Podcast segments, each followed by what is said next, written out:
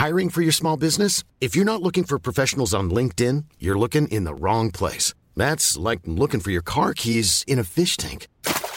LinkedIn helps you hire professionals you can't find anywhere else, even those who aren't actively searching for a new job but might be open to the perfect role. In a given month, over 70% of LinkedIn users don't even visit other leading job sites. So start looking in the right place. With LinkedIn, you can hire professionals like a professional. Post your free job on linkedin.com slash people today. Many of us have those stubborn pounds that seem impossible to lose, no matter how good we eat or how hard we work out. My solution is PlushCare.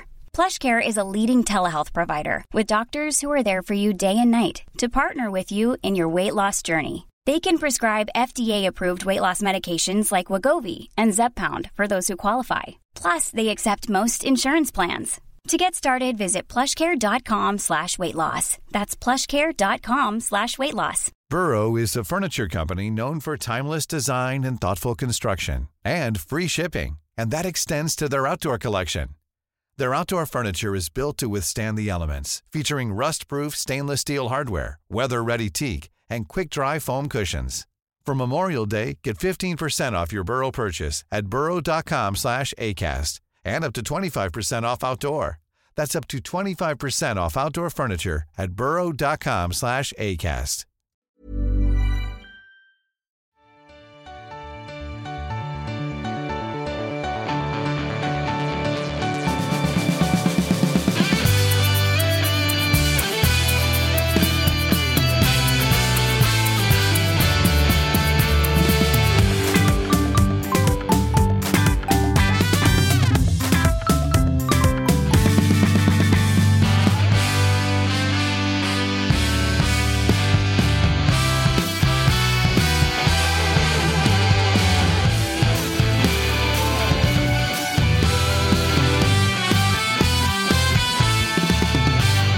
Säger välkomna tillbaka till Toto-svenskan. Det är idag måndag den 3 juli och allsvenskan har börjat igen och vi har ett jävla program framför oss med Josip Ladan, med Freddy Arnesson, med Marcus Tapper, men framförallt med våran nya härliga vän Agge 2.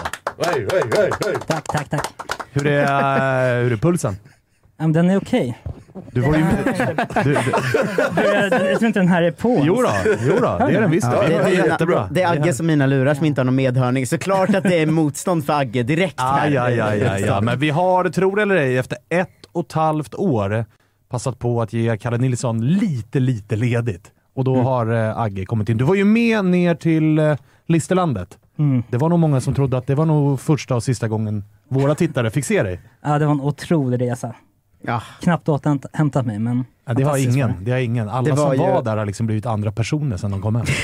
det var ju ett, eh, en stor del av den resan som lyssnarna kan, eh, inte fick ta del av då, var ju när en Sölvesborgsk eh, miljonär gick fram till eh, Agge här och eh, frågade om han ville ha en öl eller en drink. Och Agge var lite, lite långsam på att välja, varpå den här eh, Sölvesborgska miljonären skriker Du är så jävla velig och det är därför du aldrig kommer kunna bli miljonär som mig.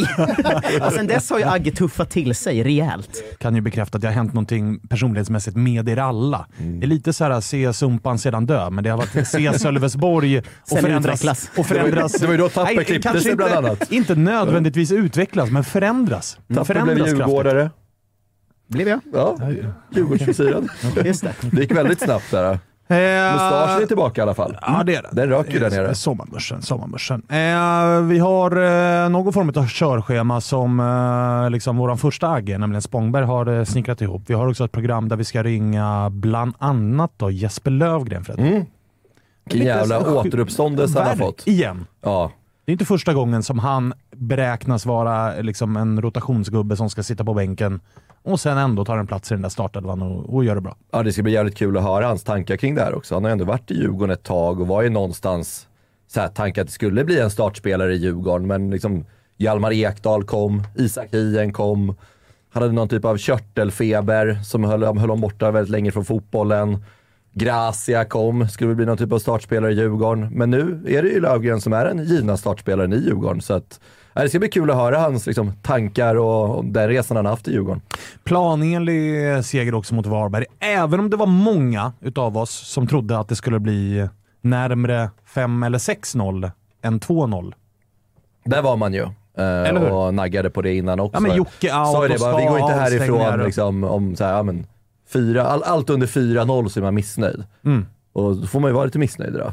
Det var, det var ju också en otroligt, jag vet inte om ni kollade på den, men det var en otroligt sömnig match. Alltså jag var, Det var eh, bakfull och eh, hade matchen på eh, en skärm. Mm. Jag var inte mindre bakfull av att titta på matchen. Det piggade Nej. liksom inte upp. Nej, det är ledsen att vi inte kunde liksom hjälpa dig på traven mot en bättre söndag Min, eh, eh, igår. Min sambo, eh, vi var också lite bakis. Hon somnade liksom tio minuter in i matchen. Så vaknade hon efter och var så, ja, hur var den? Jag, bara, jag vet fan inte. Alltså den var verkligen en sån, en sån match som bara hände, det blev 2-0 och sen var det klart. Alltså man Men, eh, märkte knappt att den spelades ju. Kändes ju som att hon hade ju kanske även somnat om det hade varit en toppenmatch. Kanske. Kanske inte var matchens fel. Exakt. Nej. Men jag tycker så här, Va- Varberg gjorde det ändå bra, hade mycket bra chanser, kom till en bra, del bra lägen. Hade de liksom haft lite mer spets i laget så hade de nog knäckt den där nollan som ändå Djurgården fick behålla intakt igår. De var där och nosade lite titt som tätt i alla fall. Ja, man hade något så här kanonläge, ska liksom så här, ganska dålig första touch, men hade de gjort en bra första touch så hade han liksom varit helt fri. Nu vet jag inte vem det var som fick den i, i Varberg, men fick den liksom i slottet. Bara, hade han bara haft en jättefin mottagning så hade han kommit helt fri eh, mot Jakob Widell. Så, men ja, man märkte ju ändå Det var någonstans i väl slutändan en som hade stor... ganska mycket på gång. Ja, det var, en, Eh, alltså, det var en stor kvalitetsskillnad. Men sen var det också där nya mattan. Eh, det var ju första gången Djurgården fick spela på den nya mattan. De har inte fått träna eller någonting på den innan Ah, matchen. det här var det nya. Ja, exakt. Fan, det tänkte jag inte på. Eh, den går ju lite snabbare än, eh, än, än den gamla mattan. Eh, nu är vi liksom tillbaka till den mattan vi hade förra året. Nu är det balkong igen. Ja, det är lite den här Ullevi-grejen. Ja. Nya gamla Ullevi, nya gamla mattan och grejer. Eh, så jag tyckte man märkte också på Djurgården att det var liksom en, en- de var inte riktigt vana vid nya mattan. Det var mycket liksom onödigt slarv, mycket passningar som inte satt. Och det tror jag var lite på grund av mattan, men kanske lite oskärpa också. Att man tänkte att eh, Varberg, det är ett lag vi ska städa av och det gjorde vi till slut ändå. Men eh, det kunde ha sett lite mer skärpt ut. Eh, Alltså. En grej jag tänkt på, vi kommer väl prata mer i mycket Djurgården och ganska lite Varberg, så därför vill jag ändå slänga in att vilken match Jocke Linner gjorde, alltså vår kompis från upptaktsträffen. Alltså, kändes som att han bröt liksom 14 anfall själv. Alltså, han kände, varje gång de bröt någonting så var det han, oavsett vad det försvaret det var. Jag tyckte att vi gjo- gjorde en jättematch i, i backlinjen. Och att han, verkligen i intervjuerna och sånt, han är ju ledaren, han har ju varit längst där och gjort flest matcher och det är klart att han blir den man frågar om hur det känns med Jocke Persson och sånt nu när, nu när han gick. Men jag tyckte han tog på sig en ledarroll och även var det på plan väldigt snyggt. Om man ska ta det lilla Varbergs perspektivet jag, jag såg från matchen så tyckte jag ja, men han gör en väldigt bra match i backlinjen. Jag tycker Varberg, alltså just att den här kollektiva eh, insatsen, den som, alltså när Djurgården gör 1-0 då är det ju liksom total, total utcheckning men de tar väl sig ändå samman relativt, alltså på vissa fronter i alla fall. Jag tycker det påminner ganska mycket om ett, ett gäng som där alla redan har, best- eller hälften har bestämt sig för att gå vidare och göra någonting annat och den andra hälften är bara så här, men vi kan inte lägga oss ner och dö lite grann.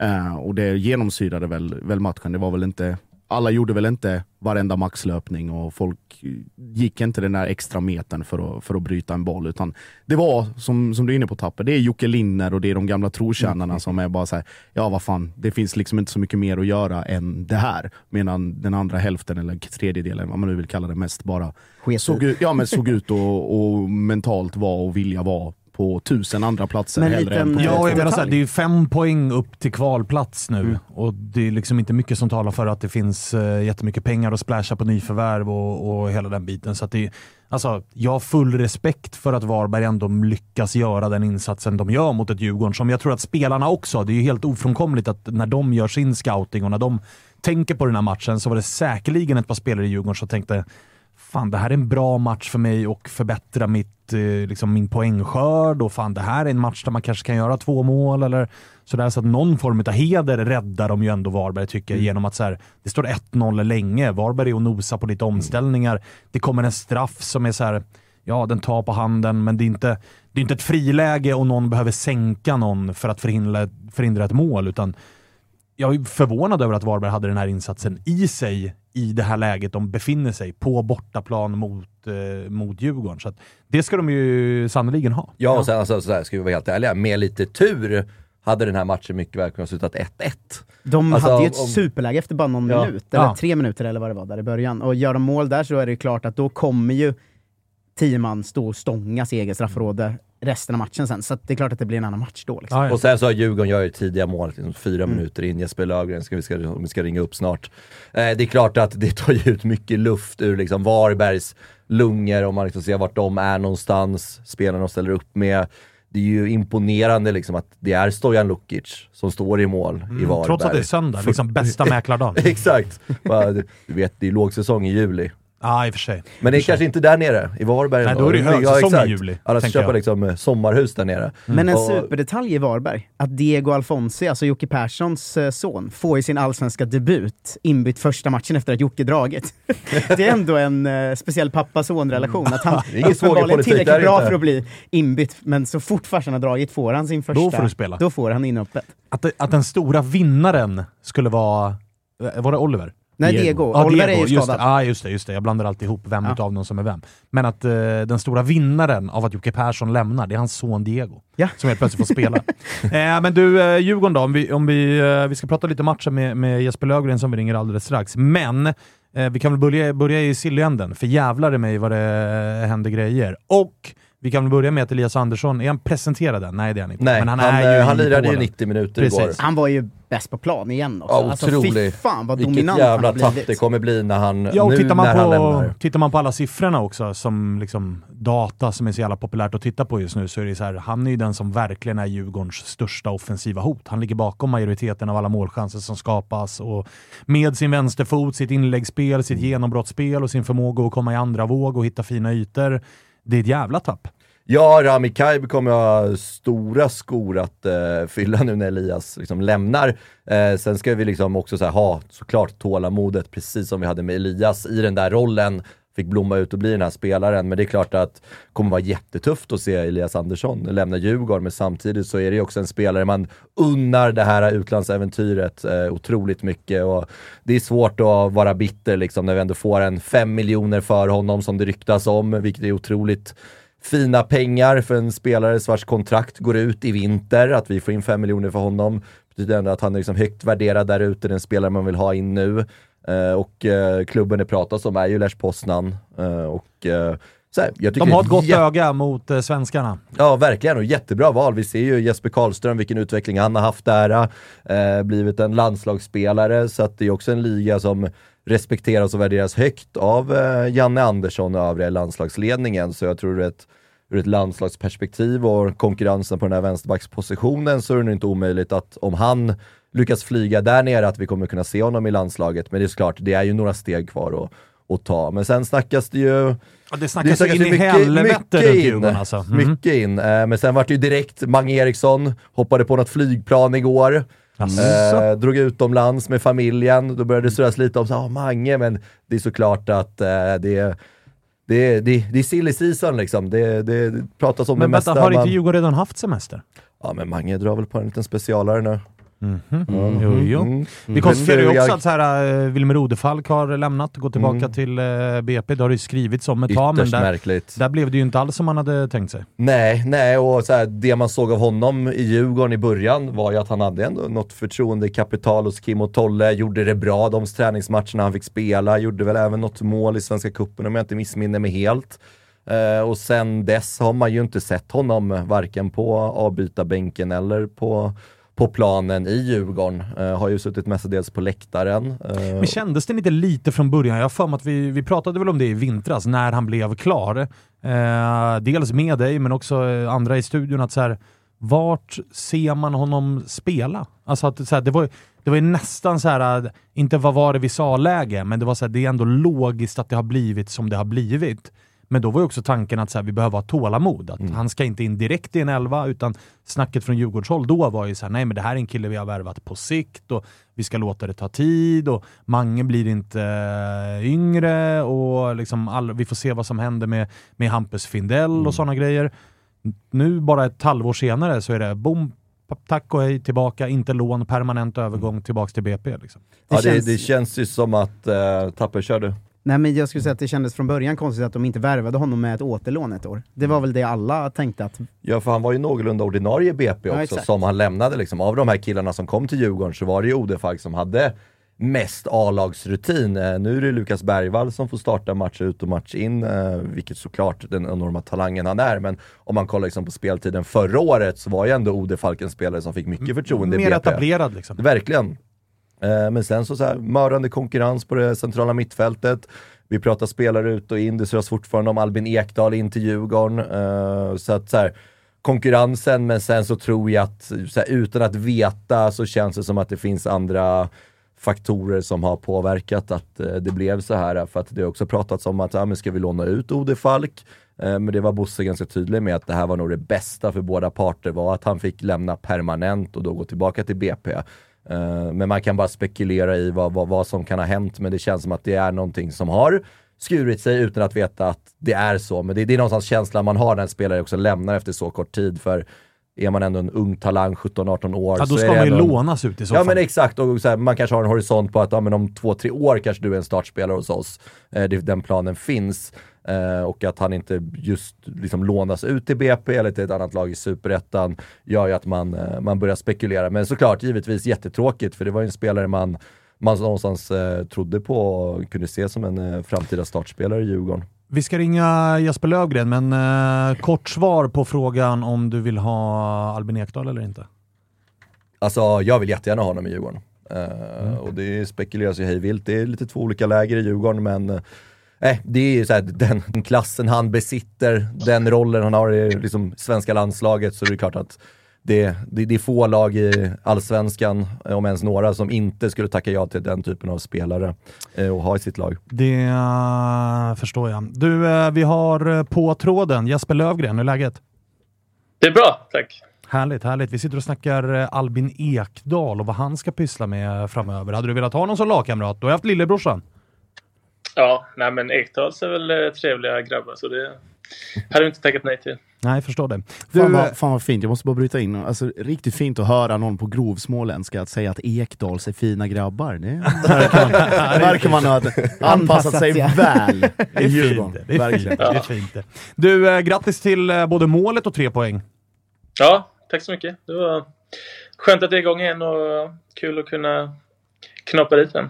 Det brukar ju vara ett Djurgården som eh, liksom, sen ganska många år tillbaka upplever i alla fall jag har varit jävligt starka på fasta situationer. Det har dock varit väldigt mycket Marcus Danielsson eller Hjalmar Ekdal som har gjort de där målen. Nu var det din tur. Har du, har du tagit lite tips av eh, kollegorna i offensivt straffområde? Ja, eller vi har snackat om det i alla fall, jag och, och tränarna, att kunna bidra lite mer där och, och sprida ut eh, målskyttet. Så ja, det, det är väl alltid positivt att kunna bidra framåt också.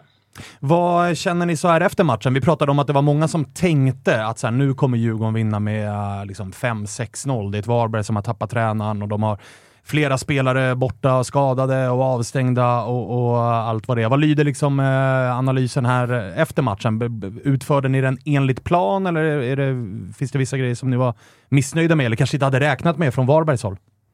Nej, de spelade väl lite annorlunda än vad vi trodde. Eh, inte så mycket långa inkast utan mer spel längs marken. Så de var väl ändå positivt överraskade av dem. Sen så kunde vi kanske gjort ett par mål till eh, eh, sådär. Men eh, vi var väl inte riktigt helt nöjda nu när vi har pratat i efterhand att vi kunde gjort det lite bättre. Men det är väl lite så när man varit eh, lediga så är, det inte, är man inte helt där man eh, var när man slutade. Men eh, ja, vi, det var väl ändå en ganska bekväm seger får man säga. Eh, Du var, var lite inne på här på ledigheten och sådär. Ni har ju ändå tränat i några veckor tillsammans här. Är det något speciellt som ni har gnuggat på, som ni har tänkt på, som kanske inte har funkat under vårsäsongen, som ni har behövt öva lite extra på eh, inför återstarten här nu? Ja, det är väl bortaspelet då, så det var ju tur att Bosse bokade den där eh, resan till Göteborg så vi kunde träna lite extra på det. Så kunde han få kolla på Bruce också. Men eh, Strategisk busse alltså. det är väl den detaljen då. Du, eh, för egen del då, vad, vad känner du om din säsong hittills? För det har ju varit, eh, alltså, du har ju varit ganska många år nu i, Djurgården, men det har hela tiden känts som att så här, Ja- Hjalmar Ekdal kommer in och gör succé, att du, du har aldrig känts liksom 100% självskriven i en elva, utan det har hela tiden kommit någon ung talang eller så värmer man, man in någon Moros Gracia, men så Biter du dig kvar och du tar dig in i den där startelvan eh, ändå? Liksom, hur, hur, eh, hur ser du på den här våren och, hur det har varit? Där många tänkte att Danielsson och Gracia, det kommer bli hur bra som helst och så har vi Löfgren där bakom. Nu har du ändå kommit in och gjort den där platsen till din. Ja, det är klart det känns bra. Det eh, har ju varit... Jag har väl alltså inte fått den här kontinuiteten innan utan spelat kanske tre, fyra matcher som mest i rad och sen har det varit bänk. Så eh, det, det gör ju mycket att kunna få kontinuitet. Eh, sen så alltså, har jag väl inte alltså, jag har inte spelat så lite så att jag har kunnat klaga för mycket heller utan jag har ändå fått, eh, fått mina chanser och eh, fått ändå över ja, 20 matcher de här två tidigare säsongerna. Eh, så, eh, men ja, det, nu, nu känns det ju riktigt bra när man har fått eh, ett ännu större förtroende.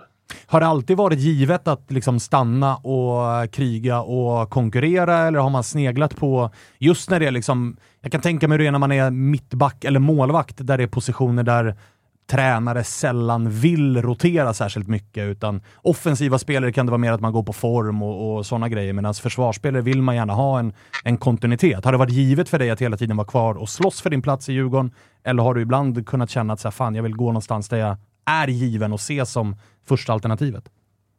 Ja, alltså det är klart man vill, man vill vara första alternativet men sen så har jag, alltså jag har haft kanske några matcher jag inte fått spela men sen helt plötsligt så har jag spelat tre, fyra matcher i rad så jag har väl aldrig kunnat vara så missnöjd liksom över situationen att eh, jag blivit så frustrerad utan eh, varit lite in och ut och men jag har ju trivts bra liksom i laget och runt omkring så nej, jag har väl inte riktigt kommit dit men som sagt, alltså detta året var ju väldigt viktigt och hade jag inte liksom fått den här speltiden nu så det är klart då hade jag väl kanske börjat tänka mer så.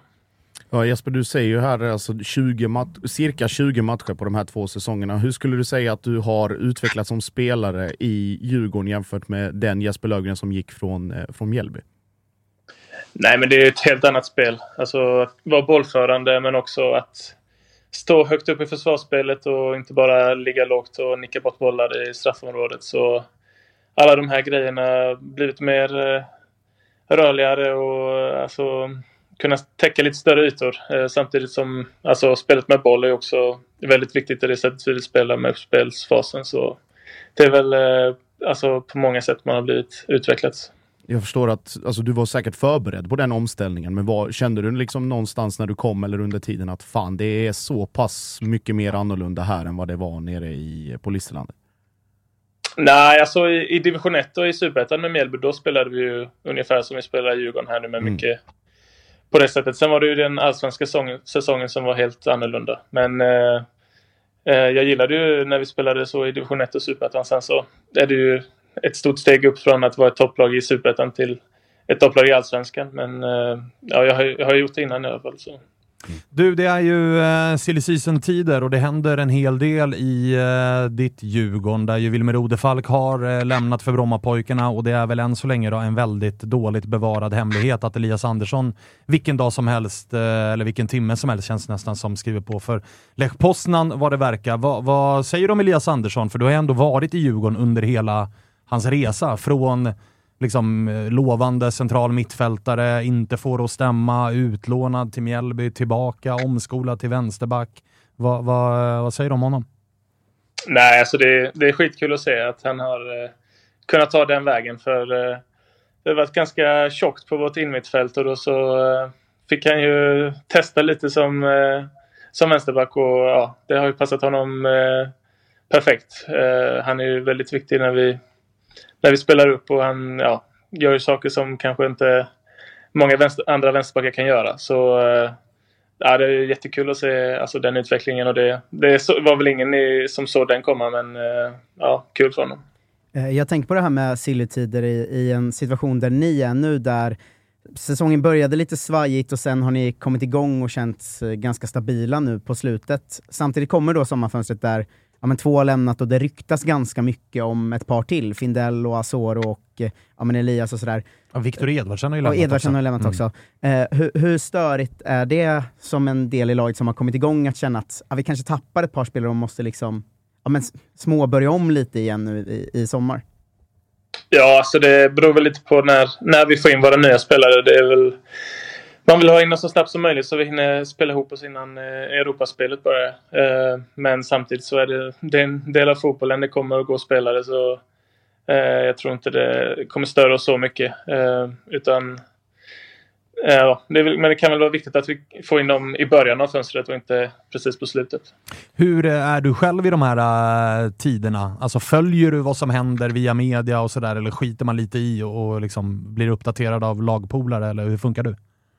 Ja, lite så. Man kan inte hålla på och läsa och allt som skrivs utan man får höra det alltså i snacket i omklädningsrummet och sen idag kommer ju Bosse att berätta lite saker också så han uppdaterar oss också hur det ligger till.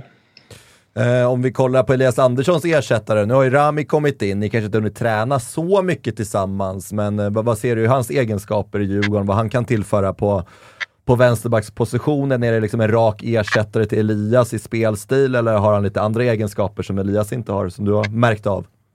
Dålig koll faktiskt. Han har inte börjat träna med oss än. Eh, så eh, det återstår väl att se. Men eh, jag har aldrig mött honom heller så det, ja, vi får se. Men vi har ju Pierre också som har sett bra ut också så han skulle ju säkert också kunna gå in där och göra det bra. Men du, eh, alla blåränder där ute, behöver de eh, vara oroliga att nu ny nolla, mål ifrån Jesper Lövgren? Är det liksom agenter som börjar höra av sig till dig också? Ska de vara oroliga att mittbacken försvinner här eller hur tänker du?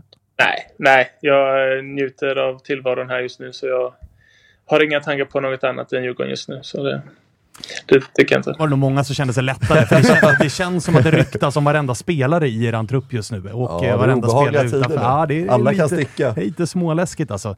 Framförallt när det går bra för lag. Alltså mm. jag håller ju på AIK. Jag tycker bara att det är skönt när spelare ryktas ut. Jajamensan! Sälj alltihopa, bara börja om på ny kula. Men skönt då, då ska du ingenstans.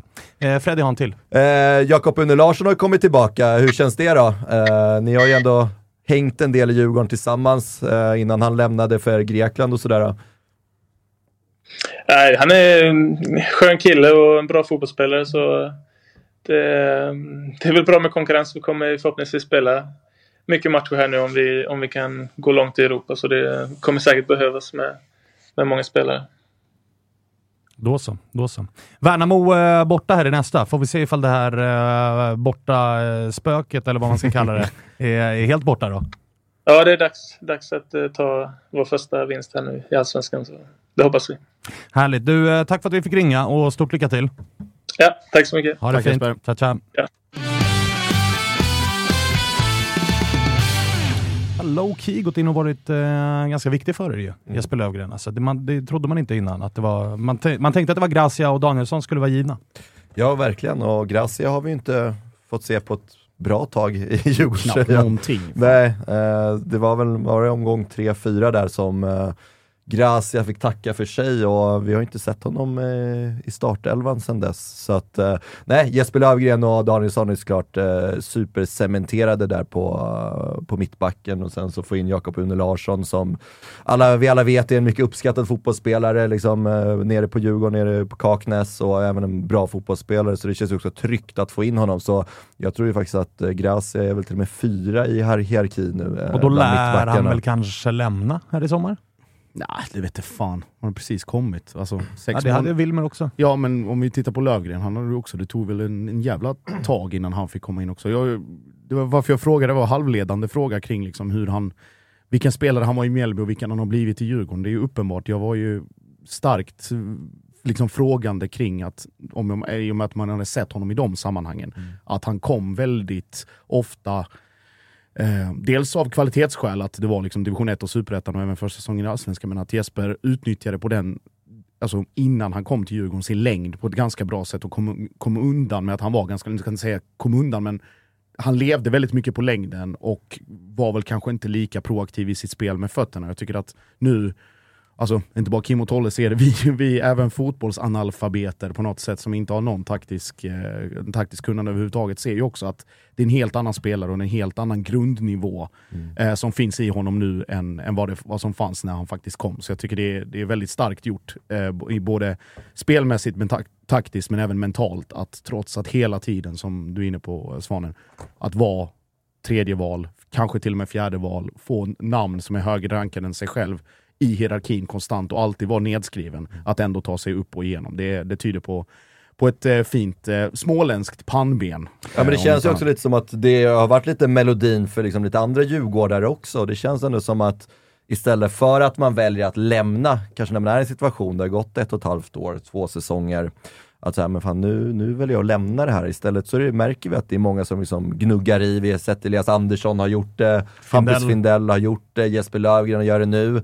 Eh, så att det verkar också finnas en mentalitet där nere från, eh, ja, men dels från tränarna men också övriga spelartruppen att så här, fan, så här, vi vet att det finns här, visa bara med extra 10-15 procenten så kommer du få chansen. Och det ja, Jesper Löfgren är ju senaste beviset på det i, i Djurgården och har gjort det fantastiskt bra tillsammans med Danielsson. Eh, Men fan det sista man ska nämna där då, innan vi kanske går vidare från Djurgården äntligen. eh, Det är väl Ja, att... exakt. eh, Fan, vi har inte börjat prata sill igen.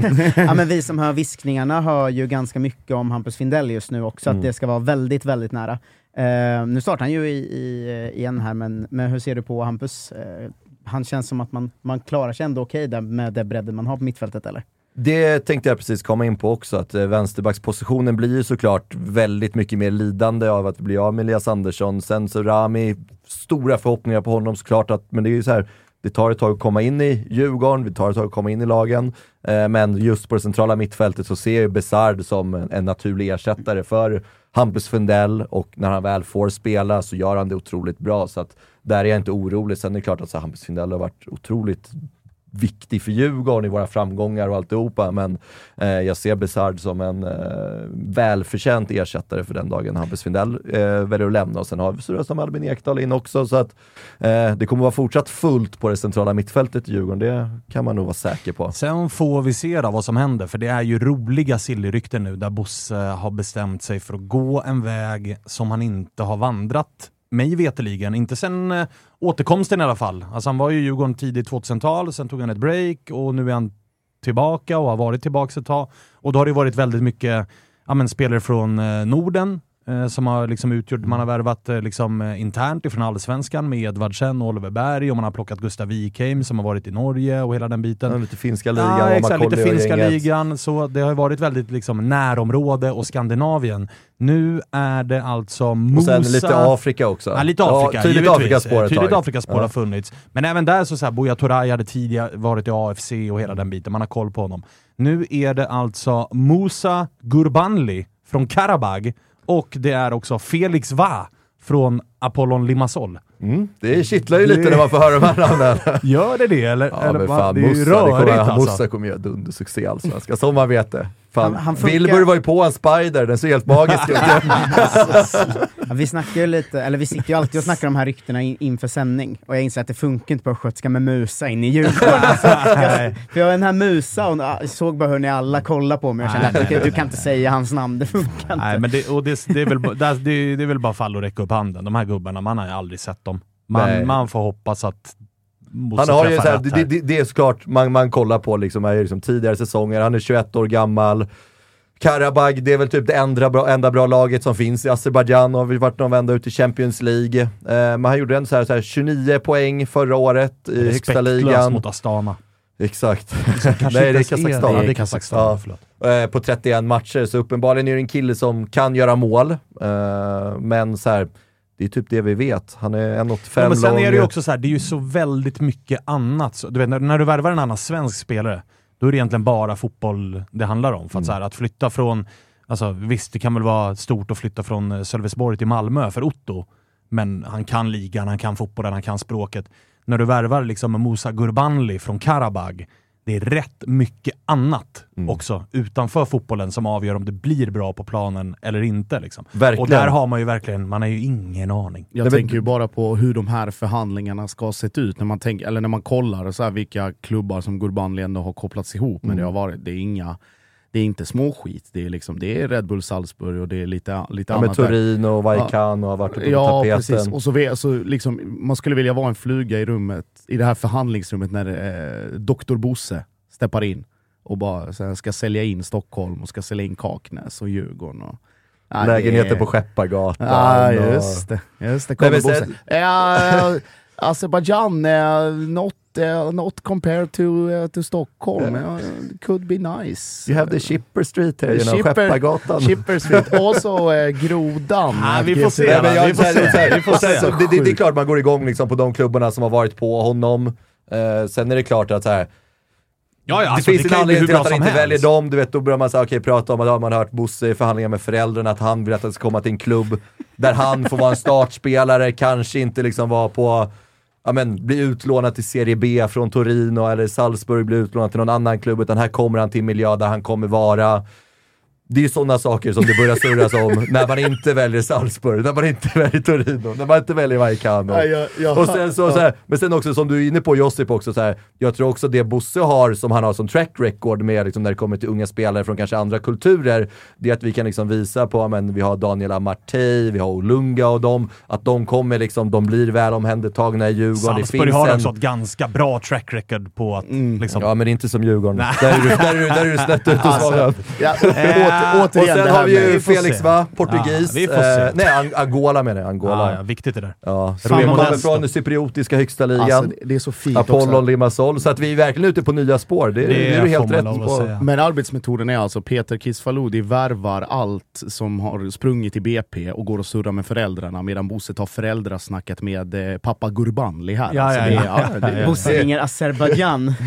Det, det, Snackar lite med päronen. ja, det, det gick ju något litet rykte om att päronen skulle ha 800 000 euro för att släppa sin son. Men, det, men, det, Men nu det, borde det, du i alla där fall- har de tvärvänt tydligen. Nu, nu, men nu, eh, nu börjar du i alla fall är prata... igång. Nu börjar du i alla fall prata om korrekta anledningar till klubbval. Ja. Exakt, Ja. exakt. Men eh, Exakt nu är det nere på noll euro och eh, vi snackar 5 miljoner det är transfersumma. Nu är det nästan som att de en miljon? Mm. euro på transfermarkt, så vi får 50% rabatt där. Ja, Ni hör ju. det är Det, kommer bli succé. Ge han sex månader så... Bosse har berättat allt om liksom Vasamuseet och nu är de hela familjen Azerbajdzjan på väg hit. Ja. Men den kittlar, den värvningen kittlar otroligt Det mycket. förstår jag. Det förstår jag. Var vi även på plats igår på eh, matchen. ringer eh, Ante G. Vi- Och, säger, och eh, släpper diff. Ja, vi, Ja. vi släpper. Vi släpper Men Mussa var ju på plats och va, också Ja, igår båda på var på matcherna. plats. Båda var på plats. Så det, det är väl en tidsfråga innan de två blir, Hoppas blir klara. Det ska bli spännande att se någonting annat i mm. Djurgården. Det som har varit den röda tråden här. Man Väldigt, saknar den här stjärten Auden-värvningarna. Ja, exakt. Den kom ju nu. Den kom ju nu. Nu så, nu har vi med oss eh, rekordmannen Ante. Vi får säga grattis. Stort tack! Hur eh, firades det?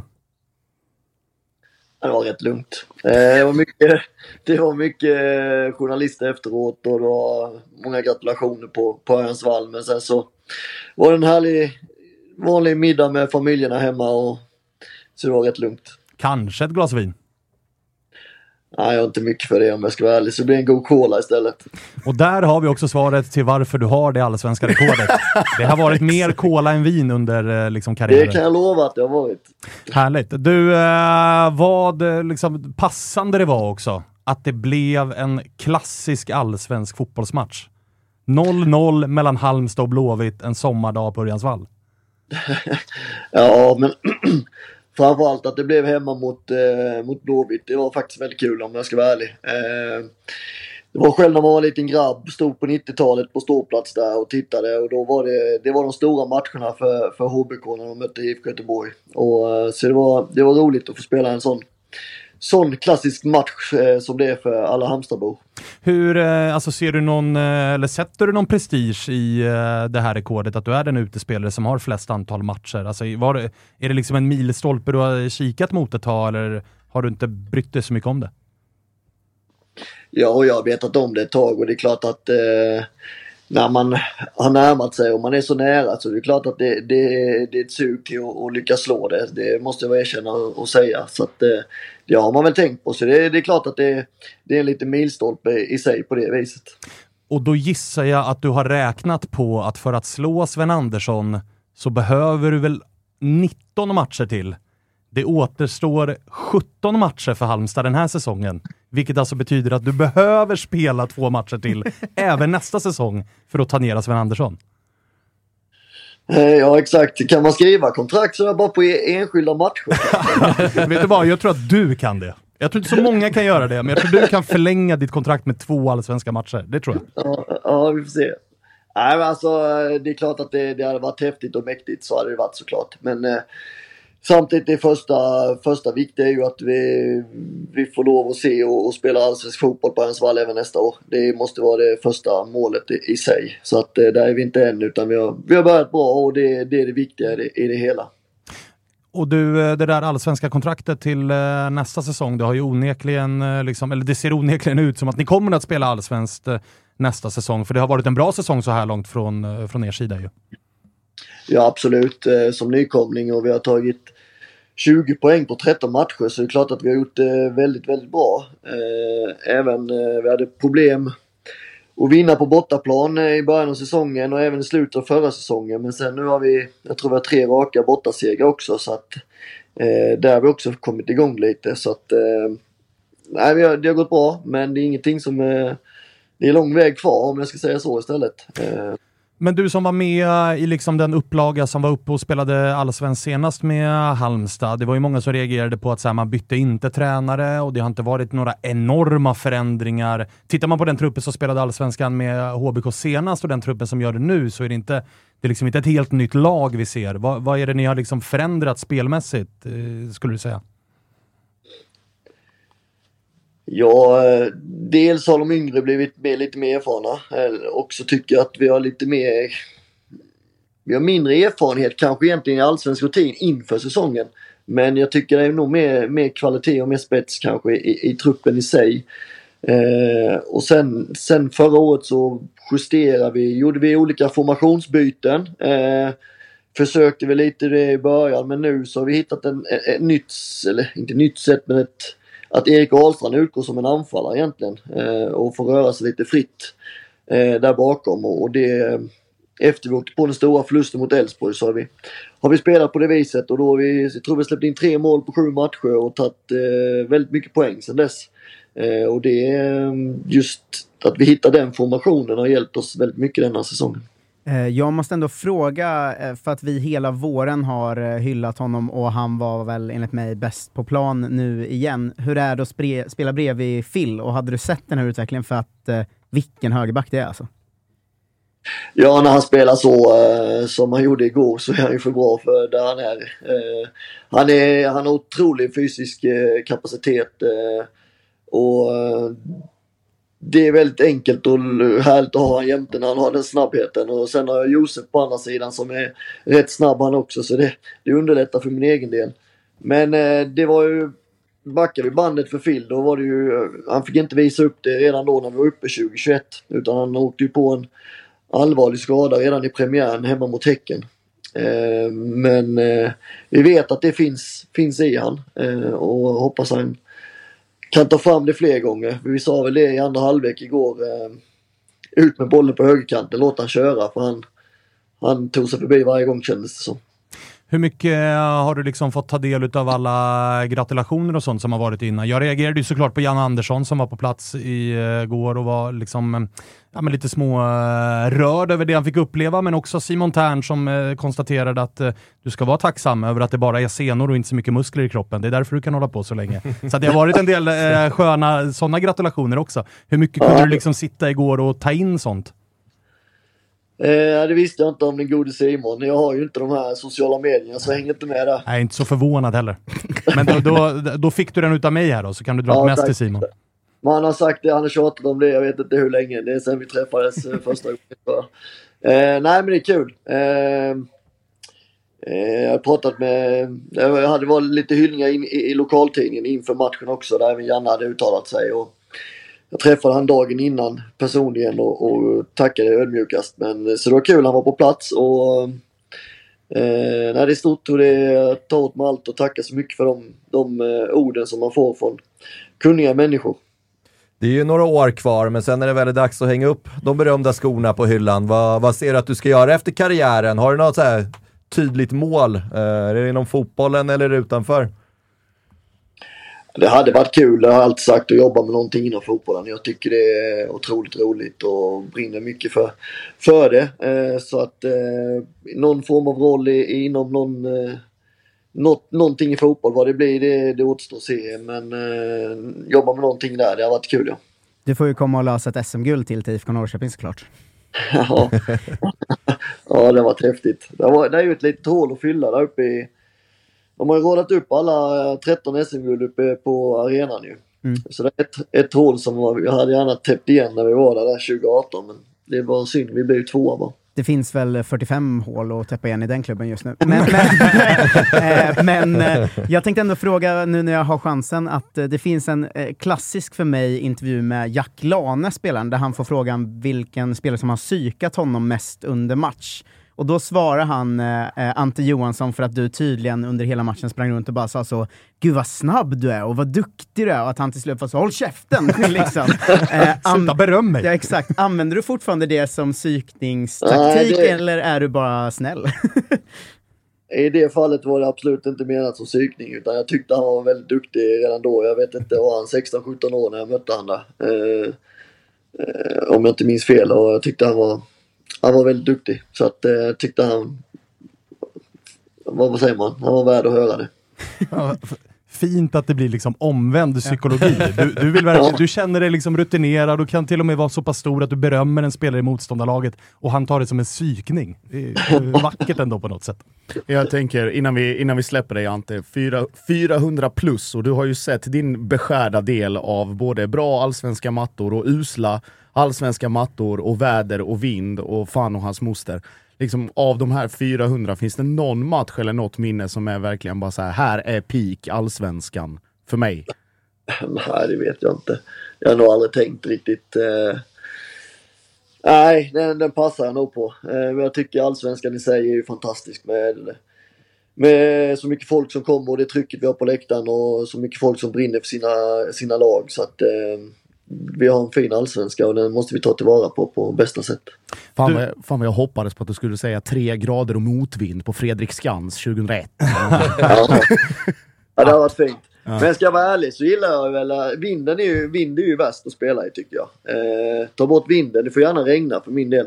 Jag har inga problem med. Så att, eh, eh, regn så blir det en bra, bra gräsmatta så rullar det fort och så mycket syre i luften och så lite regn på det. Det, det, det gillar vi. Bra. Eh, du har ju också såklart koll på Jonas Dahlqvists eh, härliga gala eh, med Ja. vackra fotbollsmål. Om du får betygsätta, var det Victor Linds kasse mot Häcken? Har du sett den från helgen? Ja, Hur högt upp han... listan, Visst gör den det? Ja, ja, Det var ett mål du gillar. Ja, det, det, det är bra mål om. Det är, det är kämpar vet du. Det är bra grejer. Du, finns det någon, i och med att så här, du har ju en speciell roll som liksom är så pass stor i två stycken allsvenska klubbar. Det, det är ganska svårt att, att få den typen av roll tror jag. Jag kan inte komma på jättemånga som har det. Men finns det någonting i dig som känner att fan, det hade varit vackert att slå rekordet i nästa omgång när det är Peking som väntar? Ja, det hade det varit såklart. Eh, det hade varit fint. Eh, slog någon tanke den gången man väl slutar spela någon allsvensk match, den allra sista, det hade varit fint om, om man hade mött Norrköping så hade det varit Halmstad mot Norrköping. På. Det hade varit en, en fin avslutning men då, får man, då, då drömmer man utan det, det Ja, jag förstår din fråga men, men jag, jag, så här kan jag säga i alla fall på, på måndag är det ju dags. Det är väl den, eh, den största matchen jag tycker för året för min egen del. Det ska bli otroligt kul att åka till, till Norrköping och spela. Och jag vill eh, inför den matchen säga Ante att eh, oavsett hur mycket jag buar och hatar på dig där så älskar jag dig egentligen. Det vet jag. Och vi, ska, vi kan från eh, Toto-svenskans håll säga att vi kommer göra allt i vår makt då för att se till så att eh, Halmstad spelar mot IFK Norrköping omgång tre, Allsvenskan 2024. Ja, det- Så får du i alla fall upplägget. Så får du välja själv om du får smash eller inte. Ja, kör den, kör den. Härligt. Du, eh, grattis igen då. Tack för att du fick ringa. Stort tack Ante. Tack, tack. Ha det fint. Samma. Det var-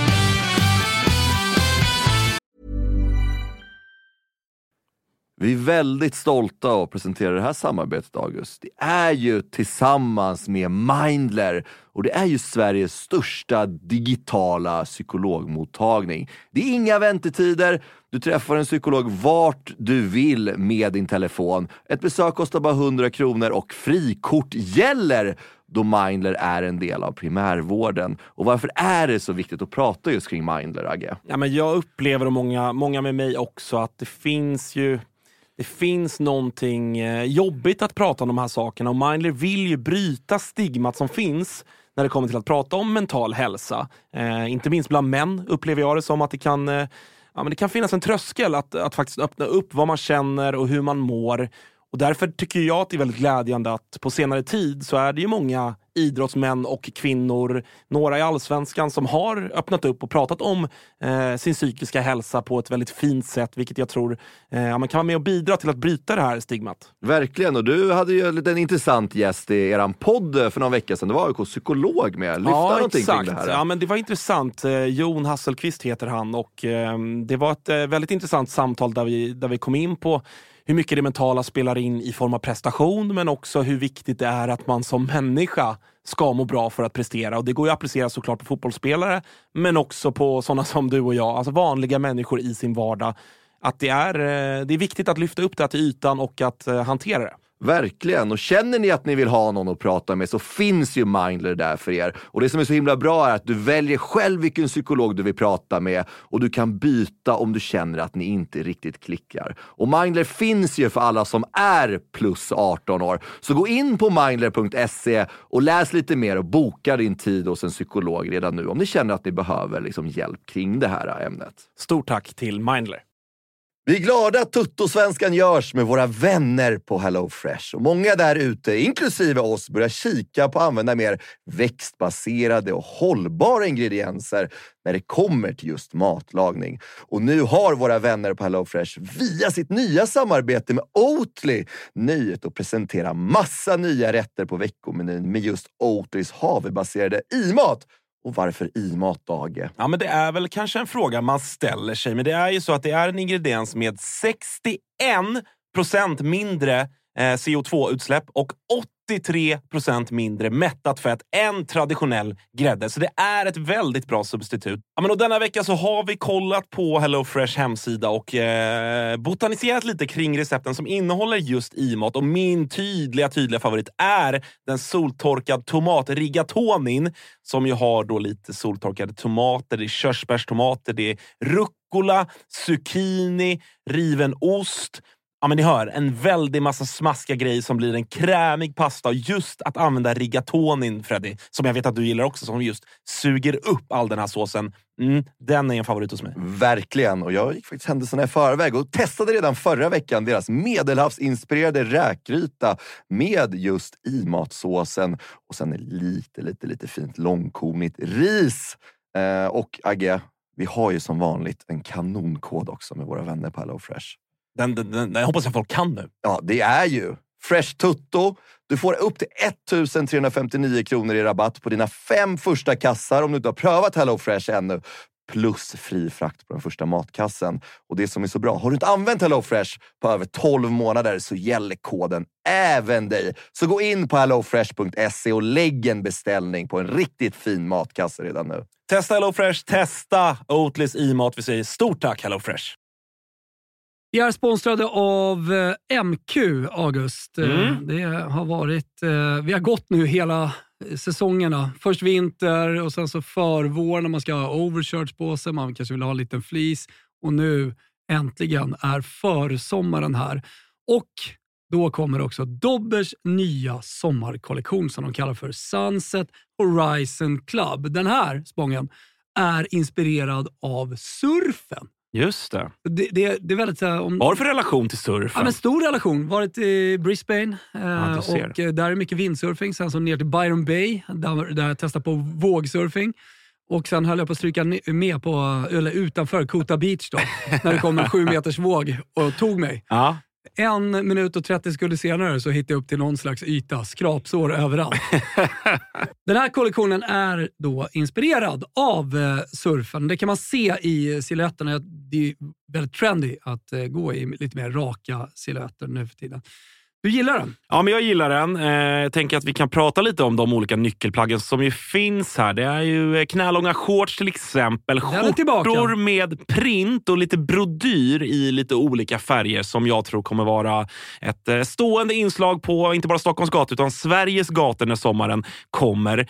Vi har också en hel del overshirts till de eh, lite ljumna sommarkvällarna. Sen så gillar jag en trend som har kommit som också hittar in i Dobbers eh, sommarkollektion här som är sets med både shorts och overshirt. Exakt. Kortärmad overshirt som man Mm. kan gå, gå runt i. Jag, jag gillar det. Så är det. Och även eh, linnet. Det är mycket olika typer av eh, texturer och material i den här kollektionen. Linne står sig fortsatt starkt, men det finns också en eh, he- hel del tencellskjortor och, och Ja, annat. Bomullsutmanaren Tencel. Ja. Om ni inte har testat det så kan jag rekommendera. Väldigt mjukt, luftigt, härligt. Ja, men så är det. det finns någonting för alla. Hur gör man då för att handla det här, Thomas? Jo, man går in på mq.se eller så besöker man sin närmsta MQ-butik. Eh, Där hittar man ju såklart eh, Dobbers sommarkollektion som alltså heter Sunset Horizon Club. MQ.se eller någon av butikerna. Vi säger stort tack till MQ. Det var exakt åtta år sedan jag var så här varm i bröstet. Bara innan vi går vidare. alltså. Ja. Eh, Moussa Gurbanli har nu börjat följa Kisse på Insta. Okej, ja, men då Ja, så. Då så. Valodi. Det, Den är det, klar. det betyder att han är klart va? Den är klar. Det är klart. Ja, Ja, skönt. ja, bra. bra. Då är den Ja. officiell liksom. Ja, Alltså officiella ja. är ju när följet på Djurgården kommer. jag- Exakt. Ja, Ja, jag tänkte jag- bara ta det innan vi går vidare. Jag vill ju bara veta, är det rattas Moussa Gurbanlis Instagram av hans föräldrar? För Ja, det är så ju det är pappa Gurbanli. Ja, då är den givetvis Ja, då, då är det klart. Ja, ja, ja, ja. Då är ju också transaktionen skett till föräldrarna. Ja, transaktion genomförd, Ja, yes. nu är allt klart. Eh, innan vi går vidare vill jag säga att Tuttosvenskan är sponsrad av ATG. Eh, två tripplar i rad har suttit och man ligger på gott plus om man har ryggat våra tripplar hela säsongen. Så det tycker jag man ska göra varje helg på atg.se tutto. Vi kör också Big Nine där jag landade helt snett den här helgen, men upp på hästen igen så vinner vi Storkova eh, nästa helg bara. Alla våra spel finns alltid på atg.se tutto. Kul för er som han börjar rygga långtidsspelet på att eh, Modesto gör över 8,5 poäng den här säsongen som jag satte. Sen gick han in och gjorde två strutar eh, direkt. Gjorde mig glad. Eh, man går bara in och spelar om man är över 18 och om man inte har problem med spel för då går man till stödlinjen.se istället. Tack ATG! Och nu går vi väl till eh, Malmö FF där det sannoliken händer en hel del eh, grejer också. Där eh, Josip Ladan inför sändningen konstaterade att Ponne vann tvåmålsspelet och därmed så är han tidernas bästa svenska mittback. Ja, Så är det såklart. Det är klart. Det är ju, det, du, fick ju, du fick ju en liten flashback. Du fick ju äta skit för att du sa att John Guidetti hade vunnit smålagsspel på träning och klackat och gjort grejer. Så att det är väl det är väl lite så. Men å andra sidan, jag, vet, jag är ju helt övertygad om att det kommer bli det omvända. Det vill säga att eh, allting kommer ju överträffa förväntningarna och där till. Så att det är Så det är fantastiskt. Champions League-titel om ett och ett halvt då. Det blir watchalong med mig, The Great, eh, och ett par andra här när vi ser eh, Malmö-Real Madrid i Champions League. Det är inga konstigheter, det vet vi. Final ska det bli då. Ja, givetvis. Ja, final. final. Givetvis. Men eh, det var en match som spelades också. En Så var det. eh, väldigt eh, liksom planenlig seger hemma mot Sirius. Ja, och det var väl lite den uppladdningen kring Ponnes present alltså, måste ju, presentationen i sig. Det är ju Otto Rosengren som kommer ut där först och får ta emot publikens jubel och folk applåderar. Otto ser mest liksom så här lite, lite obekväm ut. Och det är så, Det är här, så ja. kul att det är att Otto ska in, in. Alltså Otto som är liksom, han har inte en frisyr. Han är väldigt tunn. Han är ganska liten. Det är liksom ingen pondus i stegen. Han vill ju bara spela fotboll. Ja. Han tycker det där är ganska jobbigt att gå ut så här, nu ska jag stå ensam på plan och stå och vinka. Ja, och sen kommer liksom raka motsatsen. Ja. Ponne älskade att göra Ja, ja just det där. såklart. såklart. Och det, det var ju också, det var också jag stod bredvid min polare så sa jag bara, så alla tittar ner i spelartunneln och det här klippet med Ponne och hans, eh, hans dotter börjar rulla och du vet det byggs hype och folk börjar skrika. Så Otto står liksom kvar någonstans på mittlinjen mellan mittcirkeln och eh, sidlinjen och bara säger jaha, ska jag stå här och vänta? Och, Får jag följa med ut igen? ja, och så, så kommer Ponne Och så kommer Ponne med dottern i handen och Otto tänker, ska jag hålla den andra handen nu eller hur funkar det här? Det fina är att Ponne går fram och ger Otto en sån jävla alltså, så- superkram också, så ser det ut som att han står där med sina två barn helt plötsligt. Så det var, ju, det var en jävligt, jävligt eh, kul, eh, kul och bra uppladdning och det satte väl också lite tonen första, första tio minuterna och sen kulminerar väl då med den totala upprullningen vid, eh, vid 1-0. Bussanello återigen visar varför han är seriens bästa vänsterback. Eh, Alltså så sjukt med den här omgången, Ja. att det fick mig att känna en sån sorg över allsvenskan att alla de överlägset bästa spelarna är ytterbackar. Det är så jävla deppigt alltså. Vilka så här, när man kollar på Elfsborg så sitter man så jävlar Hult och Larsson, så kollar man på Malmö, så Bussanello, Djurgården, Elias Andersson, Halmstad, Phil. Det är något med en serie där de bästa spelarna är ytterbackar. Jag vill också skjuta in att den enda jag Modesto- som har varit bra i år är Rui ja. Modesto. Ja. Han är också ytterback. Ja men det är något deppigt med serien, för så är det ju inte i bra serier. Nej, det är det nej. inte. Vem var det i. Norrköping då? Ja, men Baggesen har ju väl ändå Ja, varit Baggesen, så bra. ja, ja, bra. Men inte Nej. riktigt på samma nivå som får man ändå säga. Nej men i alla fall så fint där med 1-0 och sen så sätter vi det egentligen standarden för matchen. Jakob Fölkeling Persson, stor kung eh, i Tuttosvenskans historia också. Otroligt jobbigt mot eh, Taha Ali fram till att Taha går sönder. Eh, och sen kommer väl Sirius tillbaka in i matchen. och Rydström är väl allt annat än nöjd egentligen hur det slutar trots att det är, jag tror det är tre, fyra minuter in i den andra halvleken som en Vadike kommer ganska klumpigt in i ryggen på Kiese och första instinkten är väl att den ser rätt billig ut. Han får en liten touch i ryggen och, och så ramlar han men eh, reprisen visar att det, den är ganska tydlig. Han får sitt andra gula. Eh, rött kort där, 2-0 Malmö och sen är den matchen totalt stängd. Eh, Ja, men, och så skönt för Malmö att få den med tanke på de avbräckerna som är vecka, som eh, liksom AC, har på Hugo. sin infektion. AC är out, Mm. Hugo är såld och så går liksom alltså, fönstret inte öppet än. Mm. Att ändå få den bekväma segern.